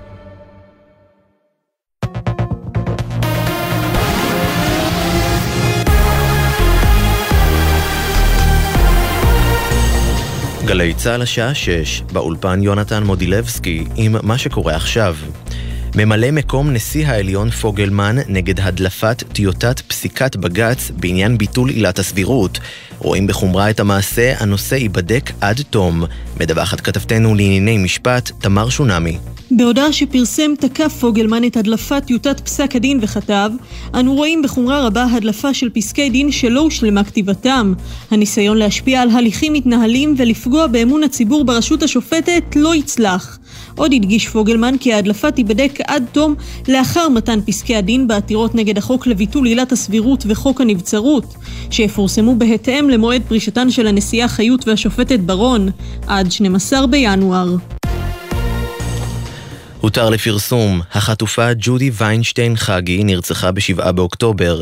ג'ודי הייתה בת 70, חברת קיבוץ ניר עוז, אם לארבעה, סבתא לשבעה נכדים, מורה לאנגלית עם התמחות בילדים עם צרכים מיוחדים ובעיות קשב וריכוז. כתבנו שי ישראל מוסר כי בשבוע שעבר נודע כי בעלה גדי חגי נרצח גם הוא בטבח, והגופות של שניהם עדיין בשבי חמאס. השר גנץ השתתף היום בסקירה מבצעית בפיקוד הדרום. בסיום הביקור אמר, השלב הבא בלחימה יהיה מתמשך משחמאס מתאר לעצמו. אנחנו מתקרבים ליום שבו נוכל לאפשר חזרה לחלק מהיישובים. אנחנו מוכנים לשלב הבא בלחימה, שיהיה מתמשך, עוצמתי ועמוק משחמאס מתאר לעצמו. בכל מקום שבו אנשי חמאס וארגוני הטרור ירימו את ראשם, אנחנו נוריד אותו. מדבריו הביא כתבנו רמי שני. בתוך כך התחממות בגבול הצפון. יותר מ-50 שיגורים בוצעו משטח לבנון לשטח ישראל משעות הבוקר, כך לפי נתוני צה"ל. בשעות האחרונות שוגרו כ-20 רקטות וטילי נ"ט לעבר קריית שמונה. לא היו נפגעים. בנוסף, שני כטב"מים של חיזבאללה שוגרו היום לשטח ישראל. צה"ל תקף מספר פעמים יעדי חיזבאללה בדרום לבנון, ידיעה שמסר כתבנו הצבאי דורון קדוש. סערת כהונתה של נציבת שב"ס השר חילי טרופר מהמחנה הממלכתי הגיש מוקדם יותר הצעה לממשלה להאריך את כהונת נציבת שירות בתי הסוהר, בניגוד לעמדת השר לביטחון לאומי בן גביר. בכיר בליכוד טוען, נתניהו פועל לפתרון הנושא. השר יצחק וסרלאוף מעוצמה יהודית אומר ביומן סיכום השבוע בגלי צה"ל, ההסכם עם המחנה הממלכתי לא מחייב אותנו. אנחנו בירכנו כשהשר גנץ נכנס לממשלה לדבר הזה, אנחנו חשבנו שזה מסר של אחדות וזה מבורך ויחד עם זאת, ברגע שהם מגיעים למקום מסוים שדורשים מאיתנו לממש הסכם שהליכוד עשה עם גנץ שאף אחד לא בא אלינו ואמר לנו יש השלכות, ההשלכות של זה מה לבית ג' אליכם, אתם מוכנים? ואי אפשר לבוא אלינו בטענות מאות רבות של בני נוער מכל רחבי הארץ מתכנסים בשעה זו לעצרת הקוראת להשבת החטופים סמוך למשכן הכנסת בירושלים, כחלק מאירוע השיא של צעדת נוער כפר עזה. במשך חמשת הימים האחרונים הוביל הנוער צעדה בכל רחבי הארץ, אליה הצטרפו אלפי בני נוער מדי יום. כתבתנו יובל מילר מעדכנת כי בנוסף לעצרת המרכזית מתקיימות בשעה זו מחאות שקטות בעשרות מוקדים ברחבי הארץ, בהם הרצליה, באר שבע ועמק יזרעאל.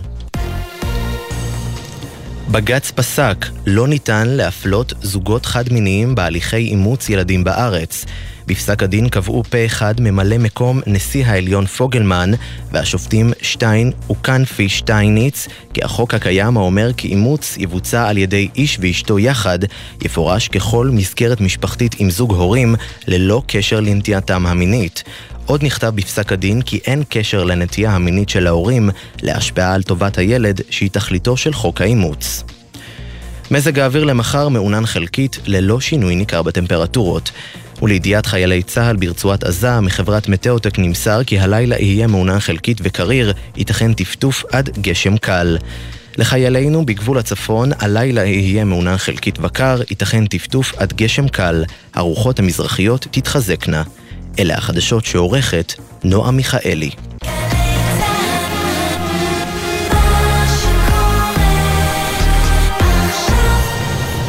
בחסות רשת ביתילי, המציעה לכם לסיים את השנה בסגנון ביתילי. עד 50% הנחה על מגוון הריהוט לבית. סוף סוף סוף שנה בביתילי. ישראל במלחמה, עכשיו בגלי צה"ל, רן יבנאי ואמיר בר שלום.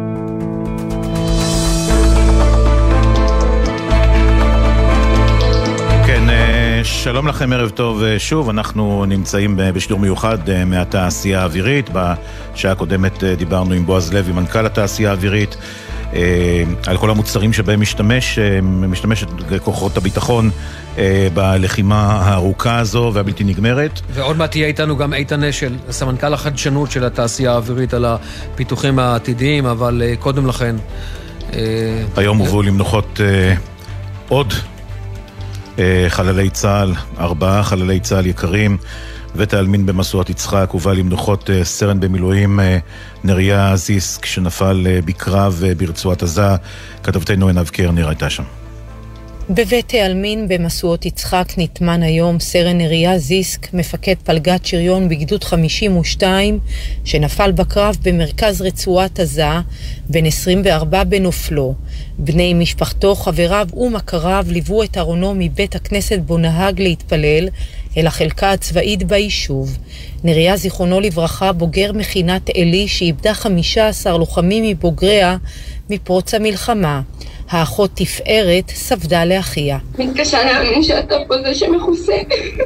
אתה האחרון שהייתי חושבת שזה יקרה לו. זה כל כך אנושי. תמיד הייתי חיה בך. תמיד היית הגאווה שלי, והייתי מספרת עליך לכולם. אתה לא הדמות שהייתי מדמיינת לאדם שנהרג על קידוש השם בגיל כל כך צעיר. אתה כזה שטותניק שעושה מה שבא לו, מצחיק, אוהב, פשוט אח שלי.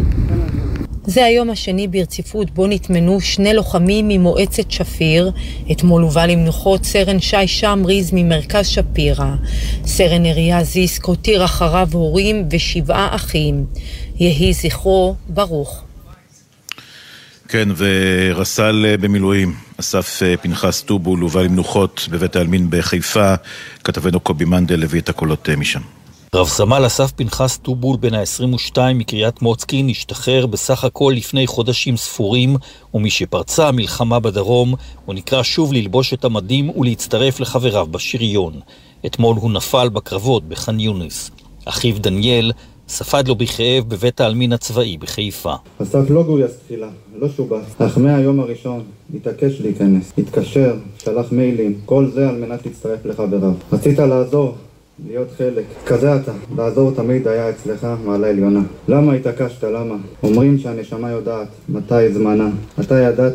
אתה, הת... אתה התקשרת לכל אחד ואחד מאיתנו כמה ימים לפני שנכנסת, ואמרת לנו שאתה אוהב אותנו. הרגשת. ידעת שאלו דברי פרידה. כאלף בני אדם נפרדו אחר הצהריים מרב סמל אסף פנחס טובול, אבל הזיכרונות שהוא הותיר בהם ימשיכו ללוותם תמיד. ואנחנו עוברים לבית שאן, שם אה, נטמן בבית העלמין אה, רב סרן דביר דוד פימה. הנה הדיווח של כתבתנו שירה שפי. דביר דוד פימה שמח גם מהדברים הקטנים. תמיד ביקש לראות את חצי הכוס המלאה. הוא הובא למנוחות היום בבית העלמין בבית שאן, שם גדל. אשתו ואם בנו הצעיר, אופק, שאלה בדמעות. איך אסביר לו מי זה אבא שלו? איך יגדל בלעדיך? היית גיבור, וכל כך רציתי שלא תהיה. אחיו הקטן בר נפרד בכאב מהבכור שלו ישוב. אני אוהב אותך, אהבה אחרת, משהו שלא הכרתי עד היום. רציתי לנצל איתך את הזמן, כמה רציתי לחזור אחורה פתאום, ואי אפשר. אז אני מתגעגע אליך מאוד, אחי היקר, בעצמות שלי. אתה היית הכל, מה, היית הדבק שלנו. משהו קורה, דביר יבוא, יסדר את הבעיה. לאמו דניאלה יבשו כבר הדמעות. היא אמרה מעל קבר בנה, לקחת ממך המון צידה לדרך, תמיד הנחית אותי והיית לצידי. אם רק הייתי יכולה, הייתי מגיעה עד אליך. דביר הותיר אחריו הורים, אחים, בת זוג ובן. יהי זכרו ברוך. סרן ירון אליעזר צ'יטיז, מפקד פלוגה בגדוד שקד, הובא למנוחות היום בבית העלמין ברעננה. הנה דיווחה של כתבתנו ענבר פייבל. סרן ירון אליעזר צ'יטיז, זיכרונו לברכה, היה האח הצעיר מחמישה. אבל למרות היותו בין הזקונים, כל אחיו הגדולים נשאו עיניים דווקא אליו. משפחתו שעלתה לארץ מדרום אפריקה, ספדה באנגלית ובעברית לירון, וסיפרה על האהבה שלו לחיים, והתמדה במסורת של כדורגל ומנגל בכל יום שישי. בת הזוג דרה אמרה בכאב, ירון שלי, חיים שלי, אתה שבוע הבא אמור לחגוג יום הולדת. כשאמרתי שאתה מזדקן, לא התכוונתי שאתה צריך להפסיק לגדול. התכוונתי שנזדקן ונשיר יחד שירים ישראלים ישנים. איך התרגשת ללמד אותי כל פעם מחדש עוד שיר שלא הכרתי.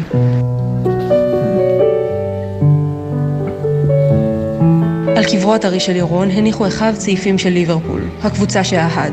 אחותו יעל תתגעגע לשיחות על החיים בשתיים בלילה.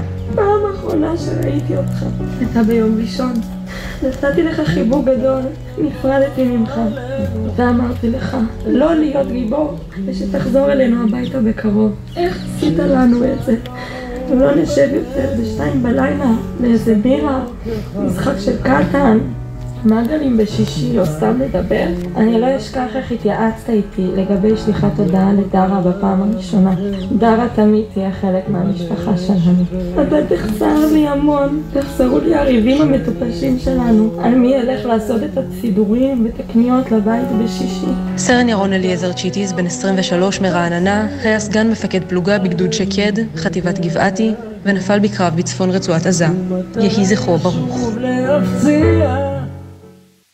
יהי זכרם ברוך. כן, של כל uh, לוחמינו uh, שנופלים כן. uh, בימים האחרונים בעזה, מביאים את צה"ל מצד אחד להישגים גדולים מאוד, מצד שני מאוד לא פשוט. כן, טוב, אנחנו במעבר, זה, זה, זה מעבר קצת חד, אבל עדיין באותו עניין, איתנו כאן בעמדת השילוב בתעשייה האווירית, איתן אשל, סמנכ"ל הטכנולוגיות הראשי של החברה, שלום איתן. שלום. אתה כמונו מביט על, אתה יודע, הלחימה, ואני חושב שלתעשייה ביטחונית לחימה, עד כמה שזה עצוב, אבל זה נותן לה הרבה מאוד תובנות. במקרה שלכם גם מה שנקרא combat proof לגבי, לגבי החץ, ושמעת קודם את השיחה שלנו עם המנכ"ל, עם בועז, דיברנו על אחד הדברים שאולי מטרידים את ישראל, ולאו דווקא ראינו את מלוא האיום הזה מתממש, ואנחנו מדברים על התמודדות עם נחילי כטב"מים ורחפנים. יש לכם כיווני פיתוח ב, לגבי האיום הזה? כן. יש לנו לא רק כיווני פיתוח, חלק מהיכולות הן כבר מבצעיות, וחלק הן יהיו קדימה, וההתמודדות עם נחילים מתבטאת בכמה היבטים. אחד, בהיבט ההגנתי, לגלות ולהראות את הנחילים האלה, ופן שני, בהיבט ההתקפי. איך אתה מייצר נחילים שלך שיוכלו לעבוד בשטח האויב. בצורה שהיא לא ניתנת ליהירות וכולי. יש לכם כבר תובנות, איתן, ממה שאתם ראיתם עד עכשיו? סוגיית הנחילים והרום קרוף קרקע וכל סוגיית הרחפנים יהיה איתנו לא הרבה זמן, ראינו את זה גם באוקראינה. הרבה דברים שכבר נמצאים במערכת מבצעית, למדנו עוד מהלקחים של אוקראינה, והרבה דברים יבואו קדימה, וחלק מהדברים שכבר הם בתהליכי פיתוח הלכו לאבלואציות אה, מבצעיות. אבלואציות, כלומר חלקם כבר מוטמעים בשטח ואנחנו מנסים, אה, עושים כן. ניסוי על, על אמת? חלקם הם אה, באבלואציות מבצעיות וכשנפיק את התובנות הם יבואו כבר ליכולות מעילות. אז אלה הנחילים, אבל יש לנו גם איומי נ"ט בצפון, גם בעזה. יש את מערכת, המערכת שלכם, מערכת מיל רוח להגנה על נמרים, על טנקים, על כל הרקם. הסוגיית הנ"ט היא איום לא רק על הרקם, אלא גם... פגיעות במבנים ובני אדם. אנחנו ראינו אותה גם על מבנים וגם על אה, אנשים וכולי. נכון. ולכן לסוגיה הזאת צריך לפתח גם יכולות שהן מאפשרות גילוי של הנ"ט והמשגרים כדי לסגור מעגלים. חלק מהמערכות שכבר קידמנו להיבט הזה, הביאו כבר תפוקות מבצעיות. וסוגיית הנ"ט גם כן תהיה איתנו קדימה. צריך להסתכל על הנ"ט קצר הטווח וארוך הטווח, ולראות איך אתה עושה את הגילוי. ואת היעירות של המשגר. אה, אה, אמיר, כמו שאתה מכיר, יש לנו מרכז חדשנות של תעשייה אווירית שיושב כן. אה, במרכז. הוא בית ליצירתיות מתוך תעשייה אווירית, שיתופי פעולה עם סטארט-אפים, אקדמיה ומפא"ת ועוד. מתוך המרכז הזה עשינו מהלך, כל המרכז הזה שועבד לחרבות ברזל מתחילת המלחמה. שזה אומר מה? תסביר לי איך זה פועל פיזית. זה אומר מה? עולה צורך מהשטח, אתה... אז uh, אנחנו מקיימים שולחנות עגולים עם מפת, רואים את הלקחים המבצעיים. אני אתן דוגמת הנ"ט, וסוגיית הנ"ט עלתה עלינו ויצרנו קבוצה שמורכבת מתעשייה אווירית, תלפיונים ופסגותניקים. וחלק מהיכולות ש... רק נגיד מה זה כל דבר? אלה תוכניות המצוינות של מפת שהשתלבו איתנו בתוך התהליך, בלהבאת אה, יכולות מהירות, וחלק מהדברים שפותחו בזמן שיא הגיעו כבר לאבלואציה מבצעית ונמצאים באיזשהם ניסויים והפקת לקחים. זאת אומרת, נכנסים לחדר, עושים איזשהו סיור מוחות ו- ענק. ואז, ומשם כל באים... כל אחד משתף משהו. משם באים רעיונות, שהרעיונות האלה הולכות, הולכים ומפתחים את היכולות ומנסים להביא כלומר, לאיום הנ"ט, נגיד, לכל מה שמעיל הרוח לא מכסה, יש כבר היום, אתה אומר, פתרון בשטח שנמצא בשלבי ניסוי? יש אה, יכולות אה, של אה, דטקציה, של גילוי ואיכון. Mm-hmm. שיכול לאכן גם את הנ"ט וגם את המשגר, והיכולות האלה נמצאים בתהליכים אה, של אה, בדיקות מבצעיות כדי להביא אותם מהר לשטח. וכל זה בתוך פחות מחודשיים. זה תוך כדי חלק מתבסס על ידע קודם, שהבאנו אותו עכשיו לידי ביטוי. דברים אחרים, ומש, וצריך לציין דברים נוספים, שהיו לנו מערכות שהיו, שסיימו פיתוח, התחילו במרכז חדשנות, הלכו לחטיבה והבשילו בחטיבה, באלתא במקרה. זאת אומרת, היו על השולחנות, שולחנות העבודה? והם קודמו כבר ליחידות מבצעיות שמפיקות אותן, מפיקות מהן אה, יכולות אה, כבר עכשיו בשטח. אז, כמה... אז המהלך הזה של להביא את הטכנולוגיה ולהפוך אותה אה, ישימה, מיידית, לטובת הלחימה, באה לידי ביטוי בכל המערכים, גם בחדשנות וגם בכל מערכי המו"פ. כלומר, מה שאתה רוצה לומר לנו למעשה כאן, איתן, כן. וזה זה, זה מאוד, אותי קודם כל מאוד הפתיע סגירת מעגל המהירה על, על הנ"ט. כן. מה שאתה אומר זה למעשה שהמלחמה עוזרת לכם לסגור הרבה מאוד פערים במה שנקרא מו"פ, במחקר ופיתוח. נותנת לנו להבין אה, איך ייראה שדה הקרב העתידי, איך הוא נראה כבר עכשיו, ואיזה פערים מבצעיים יש שאפשר לתת להם מענים טכנולוגיים.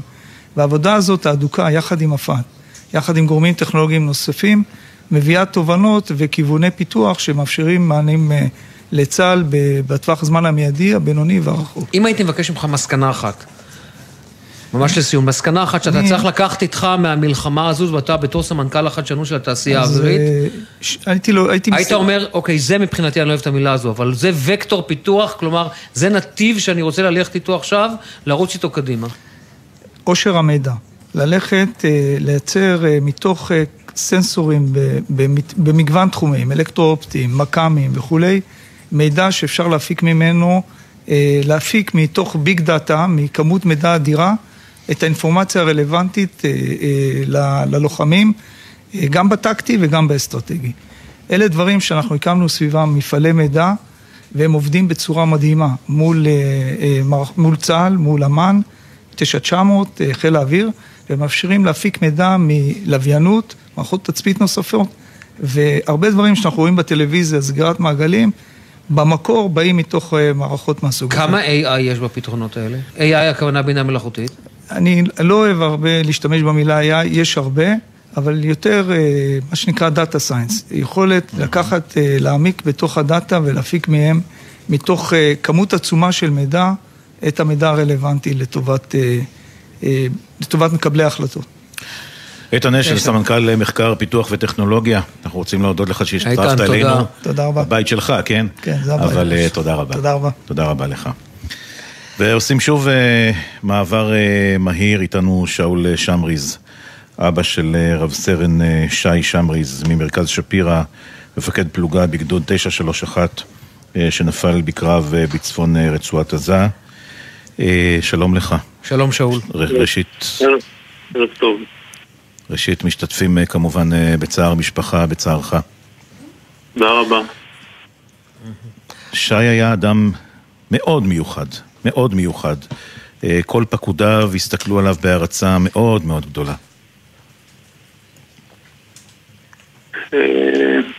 זה נכון. אנחנו נחשפים לזה בתקופה האחרונה. שי היה... שי דרש מהחיילים שלו בדיוק מה שהוא דרש מעצמו. טיפה פחות, אבל הוא דרש מעצמו. והוא הבין שצריך להכין אותם. והוא למד לסמוך עליהם, והם למדו לסמוך עליו. וזה גיבש אותם בתור... הוא לא ויתר להם מעולם על שום דבר. הוא תמיד דחף אותם ל... למה שהוא הכיר כצורך חיוני להצליח במשימה. המשימה, הוא היה מאוד מאוד נחוש, נחוש מטרה והוא החדיר את זה לחיילים. באמת יש שם המון גאוות יחידה ויש שם נחישות ויש שם אמון הדדי ויש שם אחוות לוחמים ויש שם רוח טובה. ועם העוצמות האלו הם נכנסו לתוך uh, עזה. למען האמת ההתחלה הייתה לפני, כי היה להם uh, שנה מאוד עמוסה באיו"ש. כן. ומתוך איו"ש הם נשלחו ל... לקו לבנון. וכשהתברר שהמשימה העיקרית הופכת להיות קו עזה, לחימה בעזה, אז הם ירדו חזרה לעזה, ובתקופה הזאת, שזו תקופה די מתוחה לכולם, בדרך כלל החוסר ודאות הוא מאוד משפיע על הרוח של הלוחמים. זו הייתה תקופה שהם התגבשו ליחידה אחת, ליחידה שהיא ממוקדת מטרה, וזה, וזה הפך אותם ליחידה מאוד מגובשת. ושי אהב את החיילים שלו. אני איתך. שאול, כן, כן. אתה יודע, נכון, אני, אני מניח שאתה שומע המון סיפורים, נכון? מגיעים אליכם המון אנשים ומספרים על שי הרבה. ספר לי משהו ככה, איזה סיפור שוואלה, אתה לא, לא הכרת, ופתאום נורא הפתיע אותך. תראה, איזה, האמת... איזה, איזה, איזה זווית אחרת של שי שמישהו העיר לך ולא ידעת. העיר באלף. כן. ברור. האמת, האמת ש, שהלוחמים נלחמים. ו... ואני גם העברתי, העברתי מסר. אני לא רוצה שתבואו עכשיו, אתם תשמרו על עצמכם, תילחמו ותכריעו את המלחמה הזאת. תמשיכו קדימה, תילחמו ותנצחו את הבני עוולה האלו. הם, הבני עוולה האלו רצחו לנו את המשפחות, שרפו, שרפו נשים וילדים. לא לוותר להם, להמשיך עד הסוף, עד הסוף. לא לצאת הביתה עכשיו, לא לבוא לנחם אותי, אני לא רוצה, אני רוצה שתילחמו. ויש לי שני בקשות למפקדים. תילחמו טוב, תילחמו חזק ותחזירו את הילדים שלנו בשלום הביתה עד כמה שאפשר. עד כמה שאפשר. וזה באמת דברים ששי עמד עליהם וניסה אותם בכל דרג, והוא ניסה מאוד אה, לגונן על הלוחמים שלו, והלוחמים שלו התמסרו למשימה שלהם. וזה סוג של אמון שהוא... אה, וזה, וזה סוג של אמון שהוא אה, הוא על אנושי פשוט. וזה... ואני חושב שזה המסר שאני מקבל, מי שמגיע אלינו עכשיו זה לרוב לוחמים לשעבר, שהם היום אנשי מילואים, כולם על מדים ונשק, כולם חדורי מטרה, כולם רוצים לנצח, ושום דבר לא מרתיע אותם. הם מאוד uh, כואבים את מותו של שי, ואת מותו של שאולי, שהם היו אחים, ויש באירוע של שי גם פצועים רבים, וליבנו איתם ואנחנו מאוד אה, דואגים להם. והם באים והם מבינים את הסיטואציה, והם אנשי משפחה, והם אנשים שמתחילים את הקריירה שלהם עכשיו, והם שמו את הכל בצד, והם חדורי מטרה לנצח. זה פשוט מדהים מה שקורה פה. אנחנו יושבים פה בקושי יממה, בקושי יממה, ובאים לפה אנשים שאני פשוט לא יכול שלא לעמוד גאה מול, ה... מול העוצמות שהם מקרינים, ומול הכבוד, ומול ה... מול הביחד שהם משדרים. מול... ממש ממש מדהים אותי. שאול. אני איתכם. שי היה לו גם איזשהו שקט פנימי מאוד מאוד מיוחד, נכון? בתור מפקד אפילו. מאוד. שי, שי אה, מגיל אה, צעיר מאוד, הוא, הוא היה ילד מאוד... אה, הוא היה, הוא, היה, הוא היה ילד מתבונן. זאת אומרת, הוא, הוא, הייתה לו הרבה תבונה שהיא תוצאה של הסתכלות על המציאות, ניתוח שלה וקבלת החלטות. אנחנו גידלנו אותו מגיל אפס לקבל את ההחלטות לבד. זאת אומרת שהיה צריך uh, לדרוש ממנו משהו, אז uh, זה היה סוג של התייעצות, והוא היה צריך לקבל את ההחלטות. ולאט לאט הוא למד לקבל החלטות לבד. הוא היה ילד, הוא היה ילד מאוד, uh, קודם כל הוא היה הוא בן אדם מאוד חכם. מאוד מאוד חכם, מאוד מאוד נחוש, ובעל שקט פנימי. כל מי שפגש אותו אומר שהוא ראה סוג של הערה סביבו, הוא ממש, היה, היה נוח להתחבר אליו. וואו. הוא דיבר על כולם ב, ב, בגובה העיניים, הוא היה ממש נעים הליכות. ו, ו, והאמת שהוא האמין בזה, הוא האמין ש, ש, ש, הוא מדבר עם אנשים כי הוא כמוהם, הוא גם איש. כן. והשקט הזה הצליח לחדור להמון אנשים, וזה כחוט השני עובר בין כל מי שמדבר עליו. וזה נוסח המון ביטחון באנשים. שאול שמריז. אבא של אה, שי אה, שמריז, רב סרן שי אה, שמריז, אנחנו קודם כל מודים לך כמובן שהתפנית אלינו ומשתתפים שוב בצערכם הכבד. תודה רבה לך. תודה. שאול, ותנחומים אני יכול עמוק- שנייה תנחומים. אני יכול בבקשה. למסור מסר קטן? לכל גדוד 931 ולכל חטיבת הנחל, תדעו לכם שאני ואשתי ובנותיי אוהבים אתכם מאוד, מחזקים אתכם, תומכים בכם.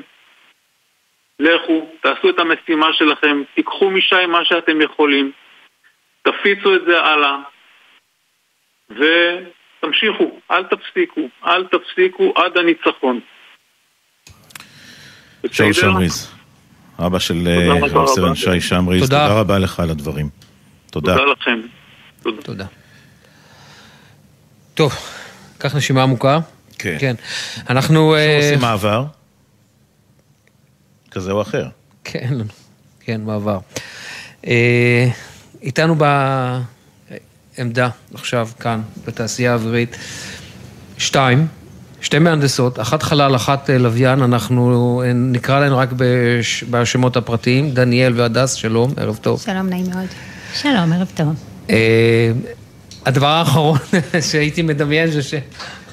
מה- מהנדסות, כן, זה... לא, מה חשבת שאתה תראה מול העיניים? לא, זה מעניין אותי. לא יודע, אתם נראות צעירות מדי לטייטלים שאני רואה כאן... אה, ברח מזה נכון? אה, ש- לא, באמת, אתם רואים, ספרו לי קודם כל על... אה, אה, אה, כמובן אנחנו בהיבט של הלחימה, והיה כאן קודם איתן אשל, סמנכ"ל החדשנות של התעשייה האווירית, ואמר, אנחנו נתנו את המענה, אנחנו נותנים מענה לכוחות בשטח בכל מה שקשור למימד החללי של התעשייה האווירית. ספרו לי איך זה בא לידי ביטוי. אה, אני יכולה לספר אה, בתור מהנדסת לוויין, אה, שיש לנו צוות שאנחנו בעצם עובדים בשיתוף פעולה עם כוחות הביטחון, אה, 24/7, אה, לילות כימים. אה, אנחנו לפי הדרישות של, ה... של צה"ל ושל כוחות הביטחון, אנחנו בעצם הבאנו את המערכות שלנו בחלל אל מול הדרישות שלהם לתפוקה הכי גבוהה שיש. רגע, קיבלתם ממש, קיבלתם ממש לצורך העניין, אני רק רוצה להבין, קיבלתם ממש לצורך העניין מה שנקרא בלשון הצבאית דמ"צ, דרישה מבצעית מיידית ואתם יודעים לעשות את ההתאמות של הלוויינים בהתאם לדרישות בלוחות זמנים קצרים? אז כן, אמ, אני אגיד, אה, אה, הדס משתתפת או השתתפה אה, בחטמצים בעצם שהיו בשיתוף פעולה עם נציגים ממשרד הביטחון ומהנדסים. אני מתוך הישיבות האלה קיבלתי משימות לפתור אתגרים. לראות איך אפשר בזמן מינימלי מענה כמה שיותר טוב, מהיר, שכבר עכשיו נכנס לפעולה במערכה הזו. אני מאוד אשמח לתשובה עד כמה שאתם יכולות, אה, תשובה מפורטת בעניין הזה. כל כמה זמן ועד כמה אנחנו עובדים, אה, עוקבים רציף אחרי עזה? אם אני לצורך העניין, מפקד אוגדה בעזה, רוצה מכם עכשיו תמונת לוויין עדכנית, תוך כמה זמן אני מקבל אותה? פחות או יותר, מיידית. יש לנו כל הזמן עיניים על כל העולם, אה, אתה רוצה בעזה, אתה רוצה בעוד מקומות. אה, הלוויינים שלנו יודעים לתת מענה אה, גם אופטי, גם מכ"מי, שזה בעצם אומר ביום, בלילה, לחדור עננים. בדיוק. מה זה אומר בעצם, רגע, מה זה אומר? אני, אתה יודע, יושבים אנשים עכשיו בבית, הם לא רואים אמנם, אבל הם שומעים שתי בחורות צעירות, שאחת מהנדסת, מה זה מהנדסת חלל? מה זה אומר, דניאל? אז אני בעצם מהנדסת מערכת. אה, אני שותפה בכל השלבים השונים מקצה לקצה, אם זה תכנון, פיתוח, בנייה, שילוב, שיגור, קליטה, הפעלה ומסירה ללקוח אה, של לוויין ושל התחנת אה, קליטה שלו. וזה מאוד מעניין.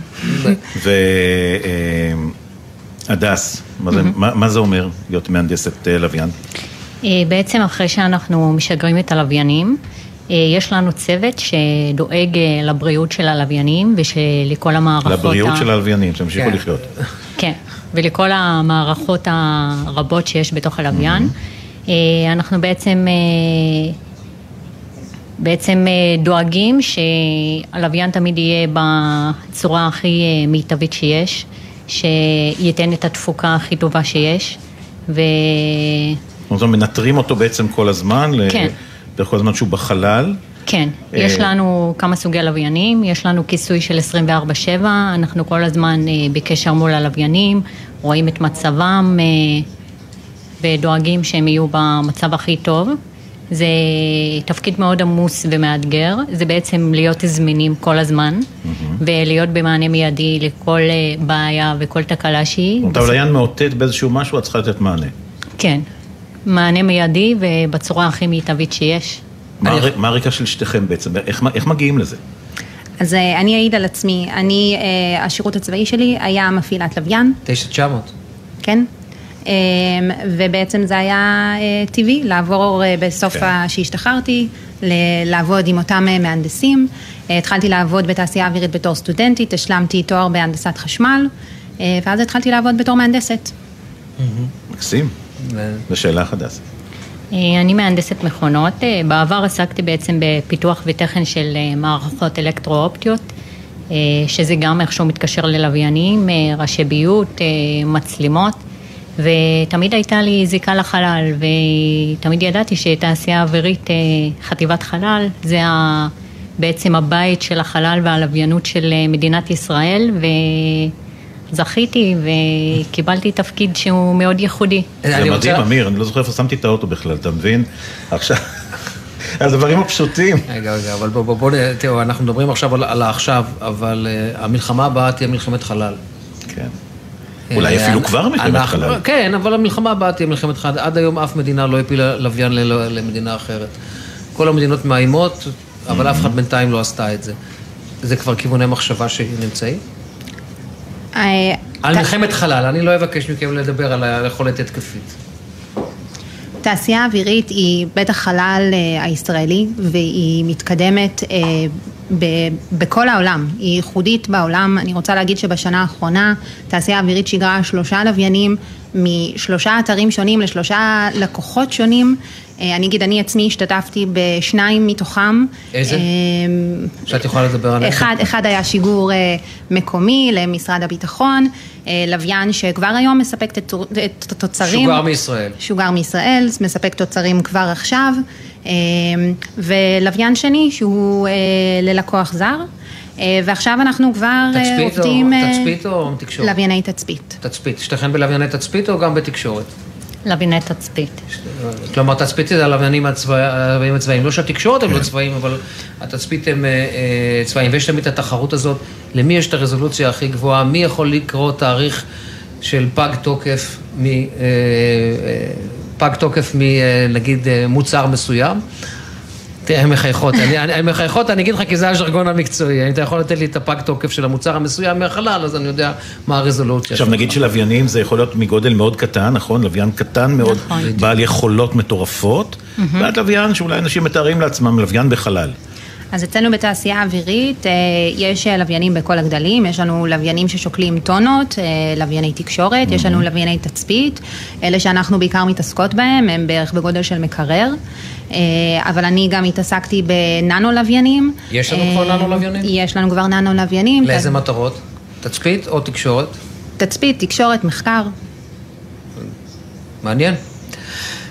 טוב, אני... לא, יש עוד המון שאלות לשאול. לא, ברור, אני יכול... אני גם יודע שאת רוב התשובות לא נקבל, אבל... אבל אני מנסה, אני מקווה שהמאזינים שלנו הבינו פחות או יותר למה אנחנו כאן מכוונים וחותרים, אבל...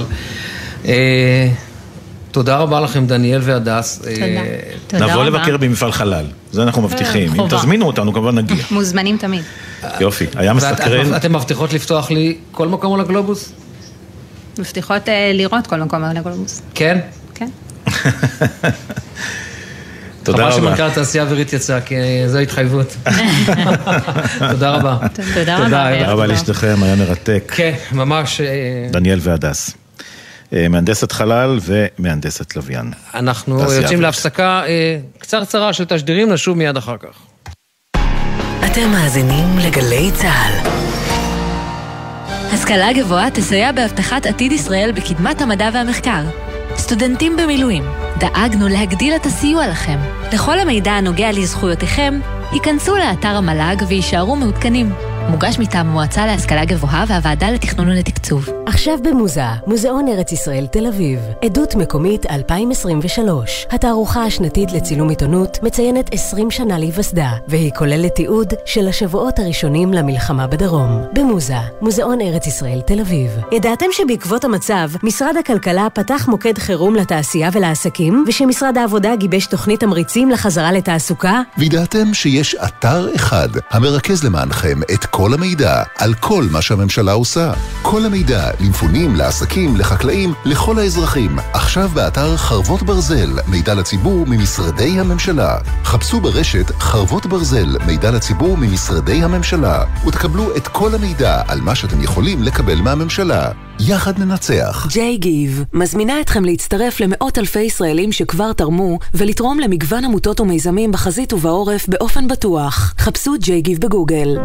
הימים הללו ימים קשים לכולנו. חשוב שתדעו, אתם לא לבד. הלילה בחצות, הפסיכולוגית הקלינית ציפי גון גרוס מזמינה אתכם לשיחות משותפות אל תוך הלילה. מרגישים צורך לדבר? תוכלו ליצור קשר במספר 03-681-3344.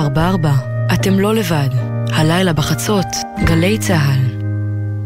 גלי צה"ל פה איתכם גם בסוף השבוע. מחר בשמונה בבוקר, משה שלונסקי מארח את נרי ירקוני במחשבות בעם. בתשע, יואב גינאי במה יהיה בתרבות. ומהצהריים ועד הלילה, אודיה ונתן, ליאור פרידמן, שמעון פרנס, דוד פרץ, הדוקטור מירב אלוש לברון והפרופסור ורד תואר אוגרים כוחות לשבוע חדש. גלי צה"ל, כל מקום, כל הזמן. את המנגינה של העברית אי אפשר להפסיק. אבשלום קור חזר בפינותיו המלוות את המלחמה באופן מילולי. כל בוקר לפני שש, ואחר הצהריים לפני חמש בימים ראשון עד רביעי, וביום חמישי לפני ארבע אחרי הצהריים. מפני שאת המנגינה הזאת אי אפשר להפסיק. עכשיו בגלי צה"ל, רן יבנאי ואמיר בר שלום. חזרנו, ואנחנו אומרים ישר ערב טוב, כי זה סיפור הבא מאוד מאוד מעניין. סגן אלוף מ', מי שהיה מפקד הכוח של יחידה 6217, מי שלא יודע, עזבו, דובדבן במילואים במהלך המבצע הלילה, המבצע נגד, אני קורא לזה, הזרוע הכלכלית של חמאס. שלום, סל מ'. ערב טוב, רן, ערב טוב, אמיר, ערב טוב למאזינים. אז ספר לנו קודם כל, תראה, כשאתה שומע מבצע נגד אה, הזרוע הכלכלית, אתה לא מדמיין את דובדבן, מגיעים לשם. אנחנו, אה, כחלק מהמאמץ של, ה... של פיקוד מרכז ואוגדת איו"ש, מתוך הבנה שכספי הטרור הם נכס חיוני של ארגון החמאס, היינו שותפים לעשייה הזאת, בעיקר כי נדרשנו קודם כל לעצור את האנשים ששותפים אז זהו, לעשייה הזאת. בדיוק, לא, אני, אני רציתי שתוביל את זה, תספר לנו איך המבצע הזה התחיל, כי זה היה מבצע מאוד מורכב, שהצריך מבצעיות וכניסה לשטחי, לשטחי A, שטחים מאוימים, שיורים בהם רוויי מטענים. בעצם ארבע ערים פלסטיניות.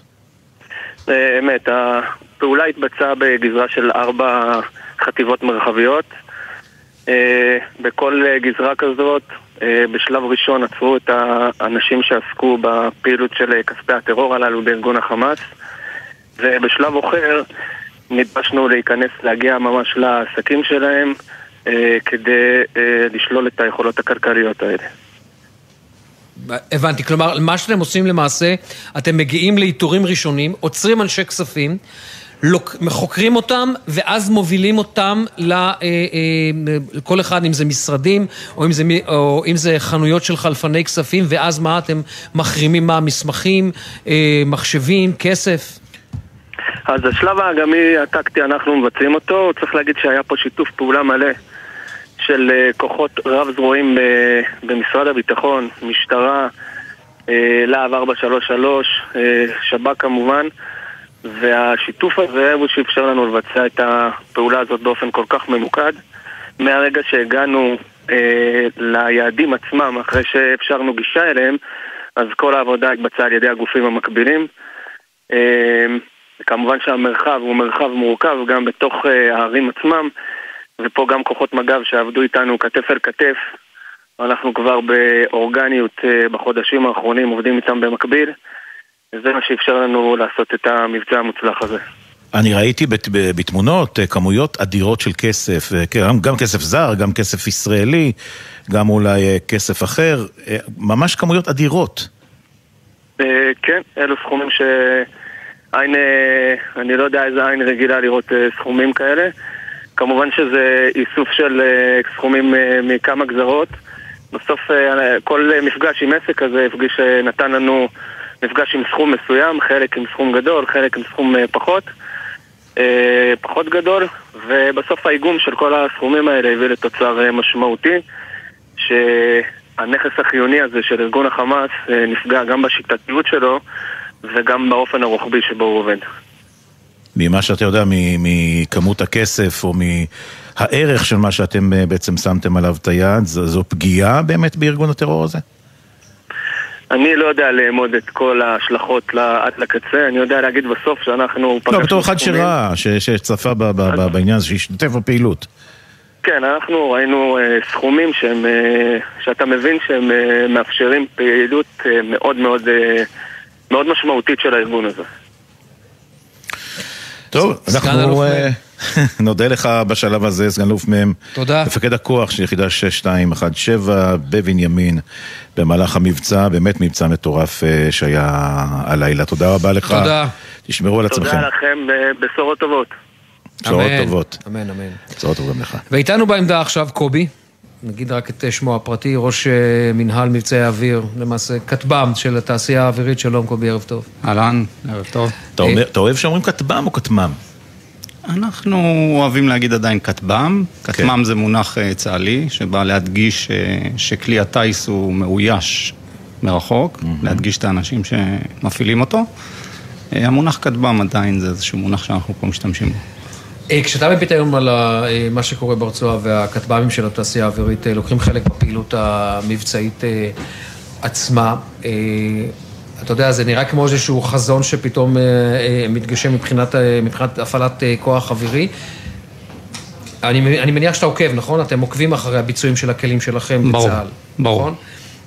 אם היית צריך לצורך העניין למתוח לי איזשהו קו בין הפ- הפעילות של הפלטפורמות הלא מאוישות לעומת המאוישות, היית אומר שמה? אנחנו רואים פה גידול משמעותי בכל מה שקשור לפעילויות כטב"ם? קודם כל הייתי אומר לך שברמה ש...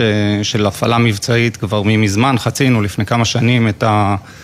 אה, מבחינת שעות טיסה, כן? את ההספקים של הפעלה מבצעית אה, כטב"מים יחסית למטוסים מאוישים.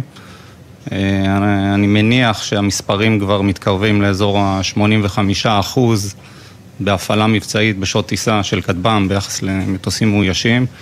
וזה לגמרי התגשמות של, אה, של חזון, כן? יש פה תעשייה שלמה שעבדה עשרות שנים בבנייה של אה, מערכים, אה, כל מיני סוגים של מערכים שקשורים בכטב"ם, שפה רואים את העוצמה המלאה שלהם. אני חושב שגם נוצר גם איזשהו באז סביב התחום הזה, שאני חושב שבלחימה הזו פעם ראשונה הוא מאוד מאוד מורגש.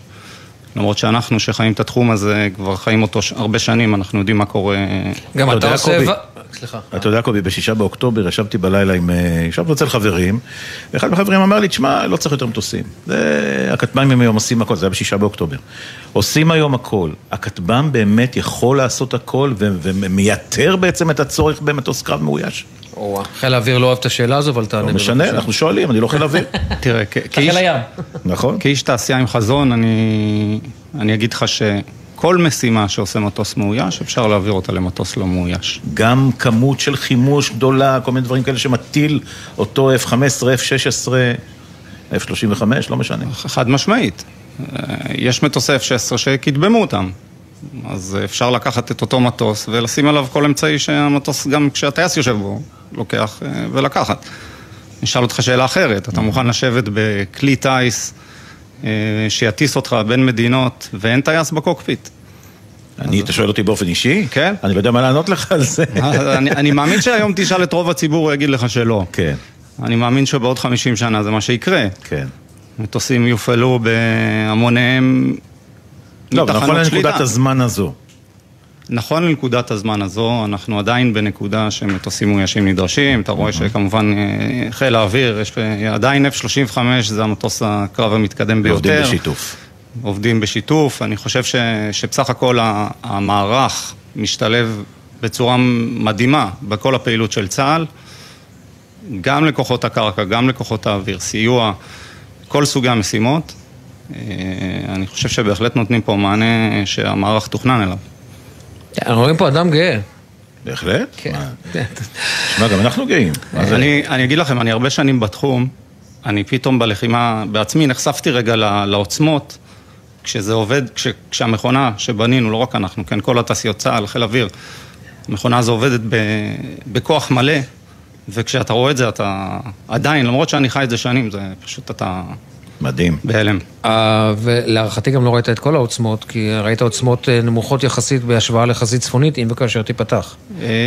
נכון, מה ש- מה ש- נכון. מה- מה שאני אומר בדברים האלה, האם אתה חושב שהעוצמות האלה, אפשר גם, זאת אומרת, יש לנו את אותן עוצמות ואפילו גדולות יותר גם לחזית צפונית? יש עוד יכולות, אה, לא כולם אה, פועלות, וברור שחיל האוויר אה, שומר, שומר לעצמו את הדברים האלה גם להמשך. אנחנו... אה, אה, כן, אוקיי, יש פה דברים אולי ש, שכמובן... שאי אפשר להגיד. אני, כן, אני, אני פשוט לא, לא יכול להגיד אותם, אבל, אה, אבל בהחלט. אוקיי, אנחנו נעצור פה. קובי, ראש מנהל. מבצעי האוויר, כטב"ם בתעשייה האווירית, תודה תודה רבה רבה לך. לך. תודה רבה. שיהיה ערב טוב. ועכשיו אנחנו רצים צפונה, לאור החתן. שלום. אורה. שלום, ערב טוב. את בשתולה מדברת איתנו, ואני ראיתי כבר תמונות שלך עם סירי ענק. נכון. שלדעתי זה היה קובה אדום, אני טעיתי? לא, עכשיו אתה מתחיל. חייבים לנסוע לשתולה. רגע, קודם כל. נכון. ואת כל... תבואו, תבואו, אין מה לפחד. היא, היא לא עזבה, היא לא עזבה את שתולה. היא ממשיכה להיות שם, היא מבשלת לחיילים, ו... קובה אדום. כל יום, לכמה חיילים? אה, בין אה, 200 ל-250, זה עלה, היום קיבלתי גם את גדוד זרעית, עוד 100 חיילים. תגידי, אה, אורה, לא מפחיד כאילו ככה לא לעזוב, להישאר מופגז, מופצץ? לא, אנחנו לא פוחדים, אני לא פוחדת, אני פה. אני, אנחנו מהעם הכורדי. אנחנו כורדים, הכורדים הם אנשים אמיצים. לא פוחדים, כל- כלום. קודם כל מובטח לך קובה, חבל על הזמן, כמו. שאומרים. טוב, לא הייתי רוצה לשאול אותך בדיוק איפה הבית, כמובן, וזה, כי אנחנו רוצים להגיע, תחליף אבל... לא, תחליף מתכונים, למה? אל לא תדבר, תחליף לא, מתכונים. אני רוצה לבוא לאכול, למה להחליף מתכונים? היום עשיתי להם עוף ממולט, ביט לאלה וואי. ומרק קובה, ועכשיו אלה מארם שהגיעו, וגם להם הכנתי אוכל. אבל רגע, מי מספק את כל ה... אתה יודע, חומרי הגלם, נגיד. מי מספק את חומרי הגלם? עד כה אני קניתי, ותרומות ש- של אנשים טובים משם ומפה תרמו. וגם החבר'ה מביאים, אתה יודע, אבל אני רואה את, ה, את האוכל שהם מקבלים בצבא, זה קטסטרופה, אפילו חתולים לא אוכלים את זה, הם? מביאים את זה בחיי. הם מביאים לי את זה לתת לבעלי חיים, אפילו הם לא נוגעים בזה. עושים לא, מסתר חליפין. נמצאים פה. שני חיילים, אתם אה, יכולים לדבר איתם אם אה, אפשר. הנה, תני לנו אחד רגע. תני לנו אחד, לא רק, אחד, אחד, שיגיד לנו. איך הקובה. לשנייה, או איך שזה לא. קובה היום, סליחה. את ביט. איך אומרים את זה? שלום, מה ביט. נשמע? היי. עכשיו, מי אנחנו? רק שם אה, פרטי תגיד לנו. רועי וזה... יובל. רועי ויובל. טוב, ספרו לנו. ספרו לנו מה אתם... באתם לקחת אוכל לפלוגה, למחלקה, לגדוד? אה, כן, בדיוק תפסתם אותנו פה, אנחנו מביאים אה, אוכל לפלוגה, ארוחת ערב מביאים מאורה, לחבר'ה שירדו מהעמדות, מהשמירות, יורדים? עכשיו קר, כמו שאתם יודעים, והם חוזרים לאוכל חם, אז אה, אנחנו גם רוצים להודות פה לאורה, שעושה הרבה מאמצים בשבילנו, וכל ערב אנחנו נהנים ממנה. אה, זה אשכרה. עכשיו- אתם, הגדוד מחכה, מחכה לאוכל לארוחת ערב של אורה, זה נשמע. ממש עכשיו, הנה, השיחה הזאת מעכבת אותנו. סתם, סתם. רגע, רגע, אנחנו שולחים אתכם לדרככם, תלכו, ת- תיסעו לאן שצריך, ואנחנו לא נעכב אתכם, שאנחנו לא נתקרר כמובן, ואנחנו גם נגיע אליכם לראות בדיוק על מה מדובר אה, אור החתן. תשאירי לנו בצד איזשהו משהו, כמובן שלא יחסר לחיילים, אנחנו נבוא ככה כבונוס, אה, אני ואמיר. יש, יש ברוך השם, לכולם, לכל עם ישראל. אורה, תודה רבה. אורה, תהיי לנו בריאה, ותודה רבה, ותשמרי על עצמך ועל החיילים שלנו. תודה. תודה, תודה. רבה. תודה, ערב. טוב ותשמרי על עצמך. עכשיו אנחנו אומרים שלום וערב טוב, איתנו כאן בעמדה יאיר כץ, יושב ראש ועדת העובדים תעשייה אווירית, אהלן. ערב טוב, עשתה אותנו רעבים. מה זה רעבים? אתה יודע, לא רציתי להגיד לך, אבל אתה יודע, ציפינו לכל איזה משהו, איזה קובה אולי, אני לא יודע, משהו קטן, משהו לא... אוכל כורדי, עכשיו מגיע גם אוכל חותי. אה, יאיר, ספר לנו, אה, תעשייה אווירית, כמה כמה עובדים כרגע מגויסים אה, בצווי שמונה? אז נכון להיום אה, מגויסים אה, כ-1,500 עובדים בצווי 8, כשבפיק של המלחמה היינו סדר גודל של 1,700 עובדים, כאשר 1,700 עובדים מגויסים בצווי 8, אבל כל השאר מגויסים על מלא לטובת העשייה. אבל השאלה, לא, זה ברור, אנחנו שמענו, גם, שמענו כאן גם את המנכ"ל וגם את, אה, אה, וגם את אה, מנהלי האגפים שדיברנו איתם, כן. אבל לצורך העניין, זה, זה לא משבית? אתה 1,700 אה, עובדים פתאום ביום אחד יוצאים לך מהמערך? אז אין ספק שעובדים הרבה יותר קשה. בצמתים קריטיות גם יודעים לעמוד מול הצבא ובפונקציות משמעותיות משחררים את הלוחמים מצווי שמונה לטובת אה, קווי הייצור, כי בסופו של דבר כאן בתעשייה האווירית מייצרים הלכה למעשה ביטחון לאותם חיילים שלוחמים בשדה הקרב. ולכן אם יש צורך לשחרר לוחם מהטנק לטובת אה, אה, קו הרכבות של אה, אמצעי כזה או אחר, אז אה, עושים את זה. אתם עובדים בעצם מסביב לשעון, נכון? ממש במשמרות כאן. כן, יש אה, מחלקות שעובדים 24/7, בדיוק שבוע שעבר, אחד העובדים פנה אליי ושאל אותי איך אנחנו יודעים לייצר הסדרי לינה באחד המעבדות שהם אה, מועסקים בה, וכמובן ש... שעזרנו. אנחנו נמצאים כרגע בפיק של העבודה שלנו, אנחנו מבינים עד כמה אנחנו משמעותיים, אני שמעתי, האזנתי גם כן ל... לעובדים ש... שדיברו לפני כן, והייתי ממש ממש גאה גם לשמוע את, ה, אה, את גאוות היחידה שלהם, אני, מה לעשות, אני כבר לקוח שבוי, אבל כשאני שומע את העובדים כל כך גאים בעשייה שלהם, אז זה באמת ממלא אותי גאווה פר אקסלנס, מה שנקרא. ואתה נולדת בתעשייה האווירית, נכון? אני מילדות בתעשייה האווירית, אני זוכר את אה, אבי שלפני כך וכך שנים שימש בתפקיד שאותו אני אה, כן. אה, מבצע כיום, אבל אין מה לעשות, תעשייה אווירית היא בעורקיי, ו- וכשאני זוכר את עצמי כילד, שומע את הסיפורים של אבא שלי על העשייה של תעשייה אווירית, והיום אני מרגיש את זה בעצמי, אז אה, אין גאה ממני. אבל כשאתה, לצורך העניין, אתה, אתה יודע, אנחנו מדברים פה עכשיו על חודשיים של לחימה, ואנחנו מדברים על משהו. שכנראה כרגע, קצת יותר, יותר, נכון, כן. אוטוטו חודש שלושה חודשים, זה נכון.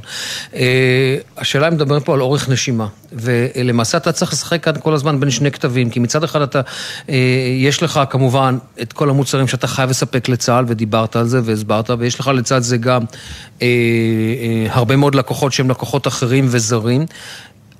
יש לכם את האורך נשימה הזה? אז באמת, אנחנו סביב השעון כדי א', לתת את המוצרים לצבא הגנה לישראל, כי בראש ובראשונה אנחנו מחויבים... יש פריוריטי אגב? יש פריוריטי, זאת אומרת, הקדימות ל- ל- לצה"ל, אם אנחנו מדברים על אה, מוצרים מסוימים, אתה אומר, זה קו ייצור שכל כולו הולך לצה"ל? כי, כי בסוף יש לקוח שאומר, אני, זה הדדליין, אתה הבטחת לי. מטבע הדברים, אנחנו מחויבים בראש ובראשונה לביטחונה של מדינת ישראל שלנו. עכשיו, אני שמח שלקוחות מסוימים גם מבינים את זה ומייצרים את הטולרנטיות. כן, מבינים? חלק מהלקוחות מבינים ומייצרים את הטולרנטיות ללוחות הזמנים. לקוחות אחרים מקבלים את המוצרים שלהם בזמן, ולכן היצירתיות שיש למנהלים שלנו בתעשייה האווירית ולחריצות של העובדים, שמאפשרת לספק אה, אה, מוצרים בזמן, תוך כדי זה שגם ה... אה, אה, משרד הביטחון מקבל את אותם מוצרים, זה הקסם שקורה פה בתעשייה האווירית. כשאנחנו מדברים, אתה יודע, אה, דיברנו קודם לכן עם, אה, עם בועז לוי, עם המנכ"ל, אה, על, אה, לצורך העניין על החץ, הרי זו פעם ראשונה שיש מה שנקרא את המושג combat proof. כן. פעם ראשונה שהוא... אה, עבור החץ, כן, ודאי. רשמית. אה, ובהנחה שאנחנו מדברים על, אה, מדברים על אה, עסקה שכבר אה, נמצאת בקנה, כבר אה, למעשה אושרה עם אה, גרמניה. גרמניה, אה, התעשייה האווירית ערוכה, וזה, וזה, אתה יודע, זו שאלה שאלתי את עצמי עוד בסלון האווירי, כשפגשנו שם את אנשי, ה- אנשי המשלחת הגרמנית. בהנחה שפתאום אנחנו מבינים עכשיו שהעולם רוצה, והעולם מבקש, והעולם מחפש טכנולוגיות של הגנה מפני טילים לצורך העניין. אתם ערוכים פתאום לביקוש שיכול להיות של יותר מעוד מדינה אחת? כי גם, גם העסקה הגרמנית הצריכה את התעשייה האווירית להרחיב פסי ייצור ו... כי בסוף זה מקום, זה צריך המון מקום. תראו, התשובה האינטואיטיבית זה שזה צרות של עשירים, אבל השאלה, נכון, אבל השאלה נכון. הזאת היא שאלה הרבה יותר מתוחכמת, כי בסופו של יום, אני מכיר חברות שקיבלו הזמנות שהם לא היו מסוגלים אה, לבצע בפועל, וקרסו, קרסו תחת העומס. בסוף גם אנחנו אה, מבינים שיש איזשהו capacity שאנחנו נהיה מחויבים לעמוד בו, ומעליו אנחנו לא נצליח, ולכן... אה, אני מניח שההנהלה שלנו, יחד עם, איתנו אגב, אנחנו סוגרים הסכמים של גיוס קבלני משנה שיוכלו לתת לנו עזרה ב- ב- בפיק שאנחנו נידרש אם נידרש. לגרמניה אנחנו כבר מסודרים, אבל אם כמה, וכאשר... רק, רק לצורך, לצורך המספר, כמה עובדים אה, גייסת רק לפרויקט הגרמני, או, או בעקבות הפרויקט הגרמני, כמה עובדים נוספו לתעשייה האווירית? כמה מאות. כמה מאות. כן. ואני אשאל שאלה... בשלב הראשון צריך לומר, נכון? ואני אשאל, ואני, כמה אשאל? ואני אשאל עוד שאלה, האם היו גופים, מדינות, שפנו אליכם עכשיו, ואמרתם להם, תשמעו, אנחנו לא יכולים לבצע כרגע? כיוון שבתפקידי אני אה, מייצר מעטפת אה, ואחראי על יחסי העבודה אה, בחברה, מייצג את עובדי התעשייה האווירית, אז אליי לא פונים כדי לרכוש טילי חץ. לא, מה שאתה יודע. אני לא יודע על מדינות נוספות שפנו, אבל אין לי ספק שהביצועים של טיל החץ 2 ו-3 במהלך המלחמה הזאת מייצרים ביקושים לא קטנים לפלא הטכנולוגי הזה שאנחנו נהנים ממנו במרכאות או לא במרכאות בתקופה האחרונה. אותנו שכנעת, זה גם אותי וגם את תמיר.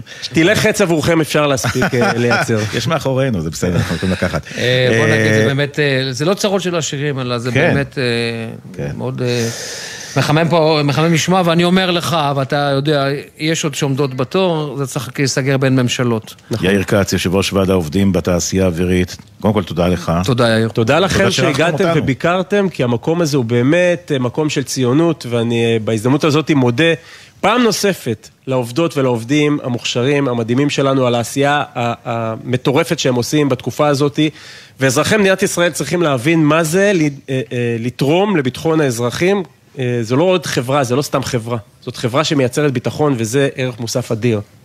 יאיר כץ. יאיר כץ, תודה רבה. תודה. זהו, אנחנו מסיימים כאן. כן, העורך הראשי של יומן סיכום השבוע אורי ולד, המפיקות מאי נבון ואורי שרון, על הביצוע הטכני אלון קפלן, דניאל חיון ויואב מנדלוביץ', ביפו בן שני וגלעד הראל, בפיקוח הטכני אילן גביש, עורך הדיגיטל מתן אה, קסלמן, תודה גם אה, לניקולאי אקינו הנהג שלנו, מיד אחורינו איתי הרמן, ענבל גזית, עם גילוי דעת.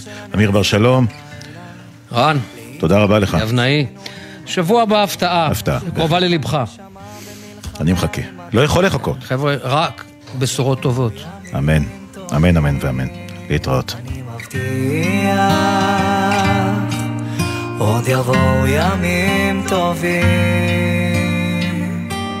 גם בשעות החשוכות של הלילה, תמיד יהיה כוכב קטן שיעיר את עצמך, את הדרך הביתה. תמיד זה הכי חשוך לפני הזריחה. מיליון רכבות דוהרות עד אוסטרליה. בחסות בסטי. בסטי. המשוואה בין מגוון חברות הביטוח, ויכולה לעזור לכם להוזיל את ביטוח הרכב. מחדשים ביטוח רכב? אתם מוזמנים להשוות בבסטי. בסטי. בחסות רשת ביתילי, המציעה לכם לסיים את השנה בסגנון ביתילי. עד 50% הנחה על מגוון הריהוט לבית. סוף סוף סוף שנה בביתילי. אתם מאזינים לגלי צה"ל. אצלי בבית, אמא ואבא קונים רק פירות וירקות ישראליים. איך זה אצלכם? זה הזמן לחזק את החקלאים שלנו. מ-24 בדצמבר תחול חובת סימון ארץ המקור של תוצרת טרייה הנמכרת בתפזורת. לכן כשקונים פירות וירקות, דגים ומוצרי חלב, בודקים שזה ישראלי, שיש סימן שזה מכאן. קונים תוצרת ישראלית ושומרים על החקלאות שלנו. מידע באתר משרד החקלאות. מגישים משרד החקלאות ומועצת הצמחים. רוכבי אופניים חשמליים וגלגינוע קורקינט חשמלי. החוק מחייב כל רוכב בכל גיל ובכל רכיבה לחבוש קסדה שמוצמד לה מחזיר אור. איך יודעים אם לקסדה יש תו תקן? מה הזמן שאחריו רצוי להחליף קסדה? למה חשוב למדוד אותה בעת הרכישה? איך חובשים אותה נכון? למידע נוסף חפשו בגוגל אסק רלב"ד. זה לא בוקר טוב עד שכולם וכולן יחזרו. שלום, אני אילן, אני הבת של קיט סיגל מקיבוץ כפר עזה, שחטוף בעזה כבר 83 ימים. אנחנו לא נפסיק להיאבק עד שיחזור, ועד שהם יחזרו כולם הביתה. כל בוקר, בוקר טוב ישראל עם משפחות החטופים, מצפים לכולם בבית. במלחמה הזאת אנחנו נלחמים בכל הכוח גם בחזית ההסברה, בטלוויזיה, ברשתות, ועכשיו, בהסכת מיוחד, גייסנו שני שדרנים אמיצים, נחושים, שרק צריכים לעבוד טיפה על האנגלית שלהם. הוא פרס דה קפסלוקס, on גלי צה"ל. שחר חסון ויוחאי ספונדר מתגייסים למשימת ההסברה הלאומית. We know it doesn't sound the perfect English, our neighbors don't speak English too, so we want them to know what we are saying. בחמ"ל הכי מצחיק שהיה פה, Stand Up for Israel. עכשיו, באתר וביישומון גל"צ גלגלצ, ובכל מקום שאתם מאזינים להסכתים שלכם. מיד אחרי החדשות, איתי הרמן וענבל גזית עם גילוי דעת.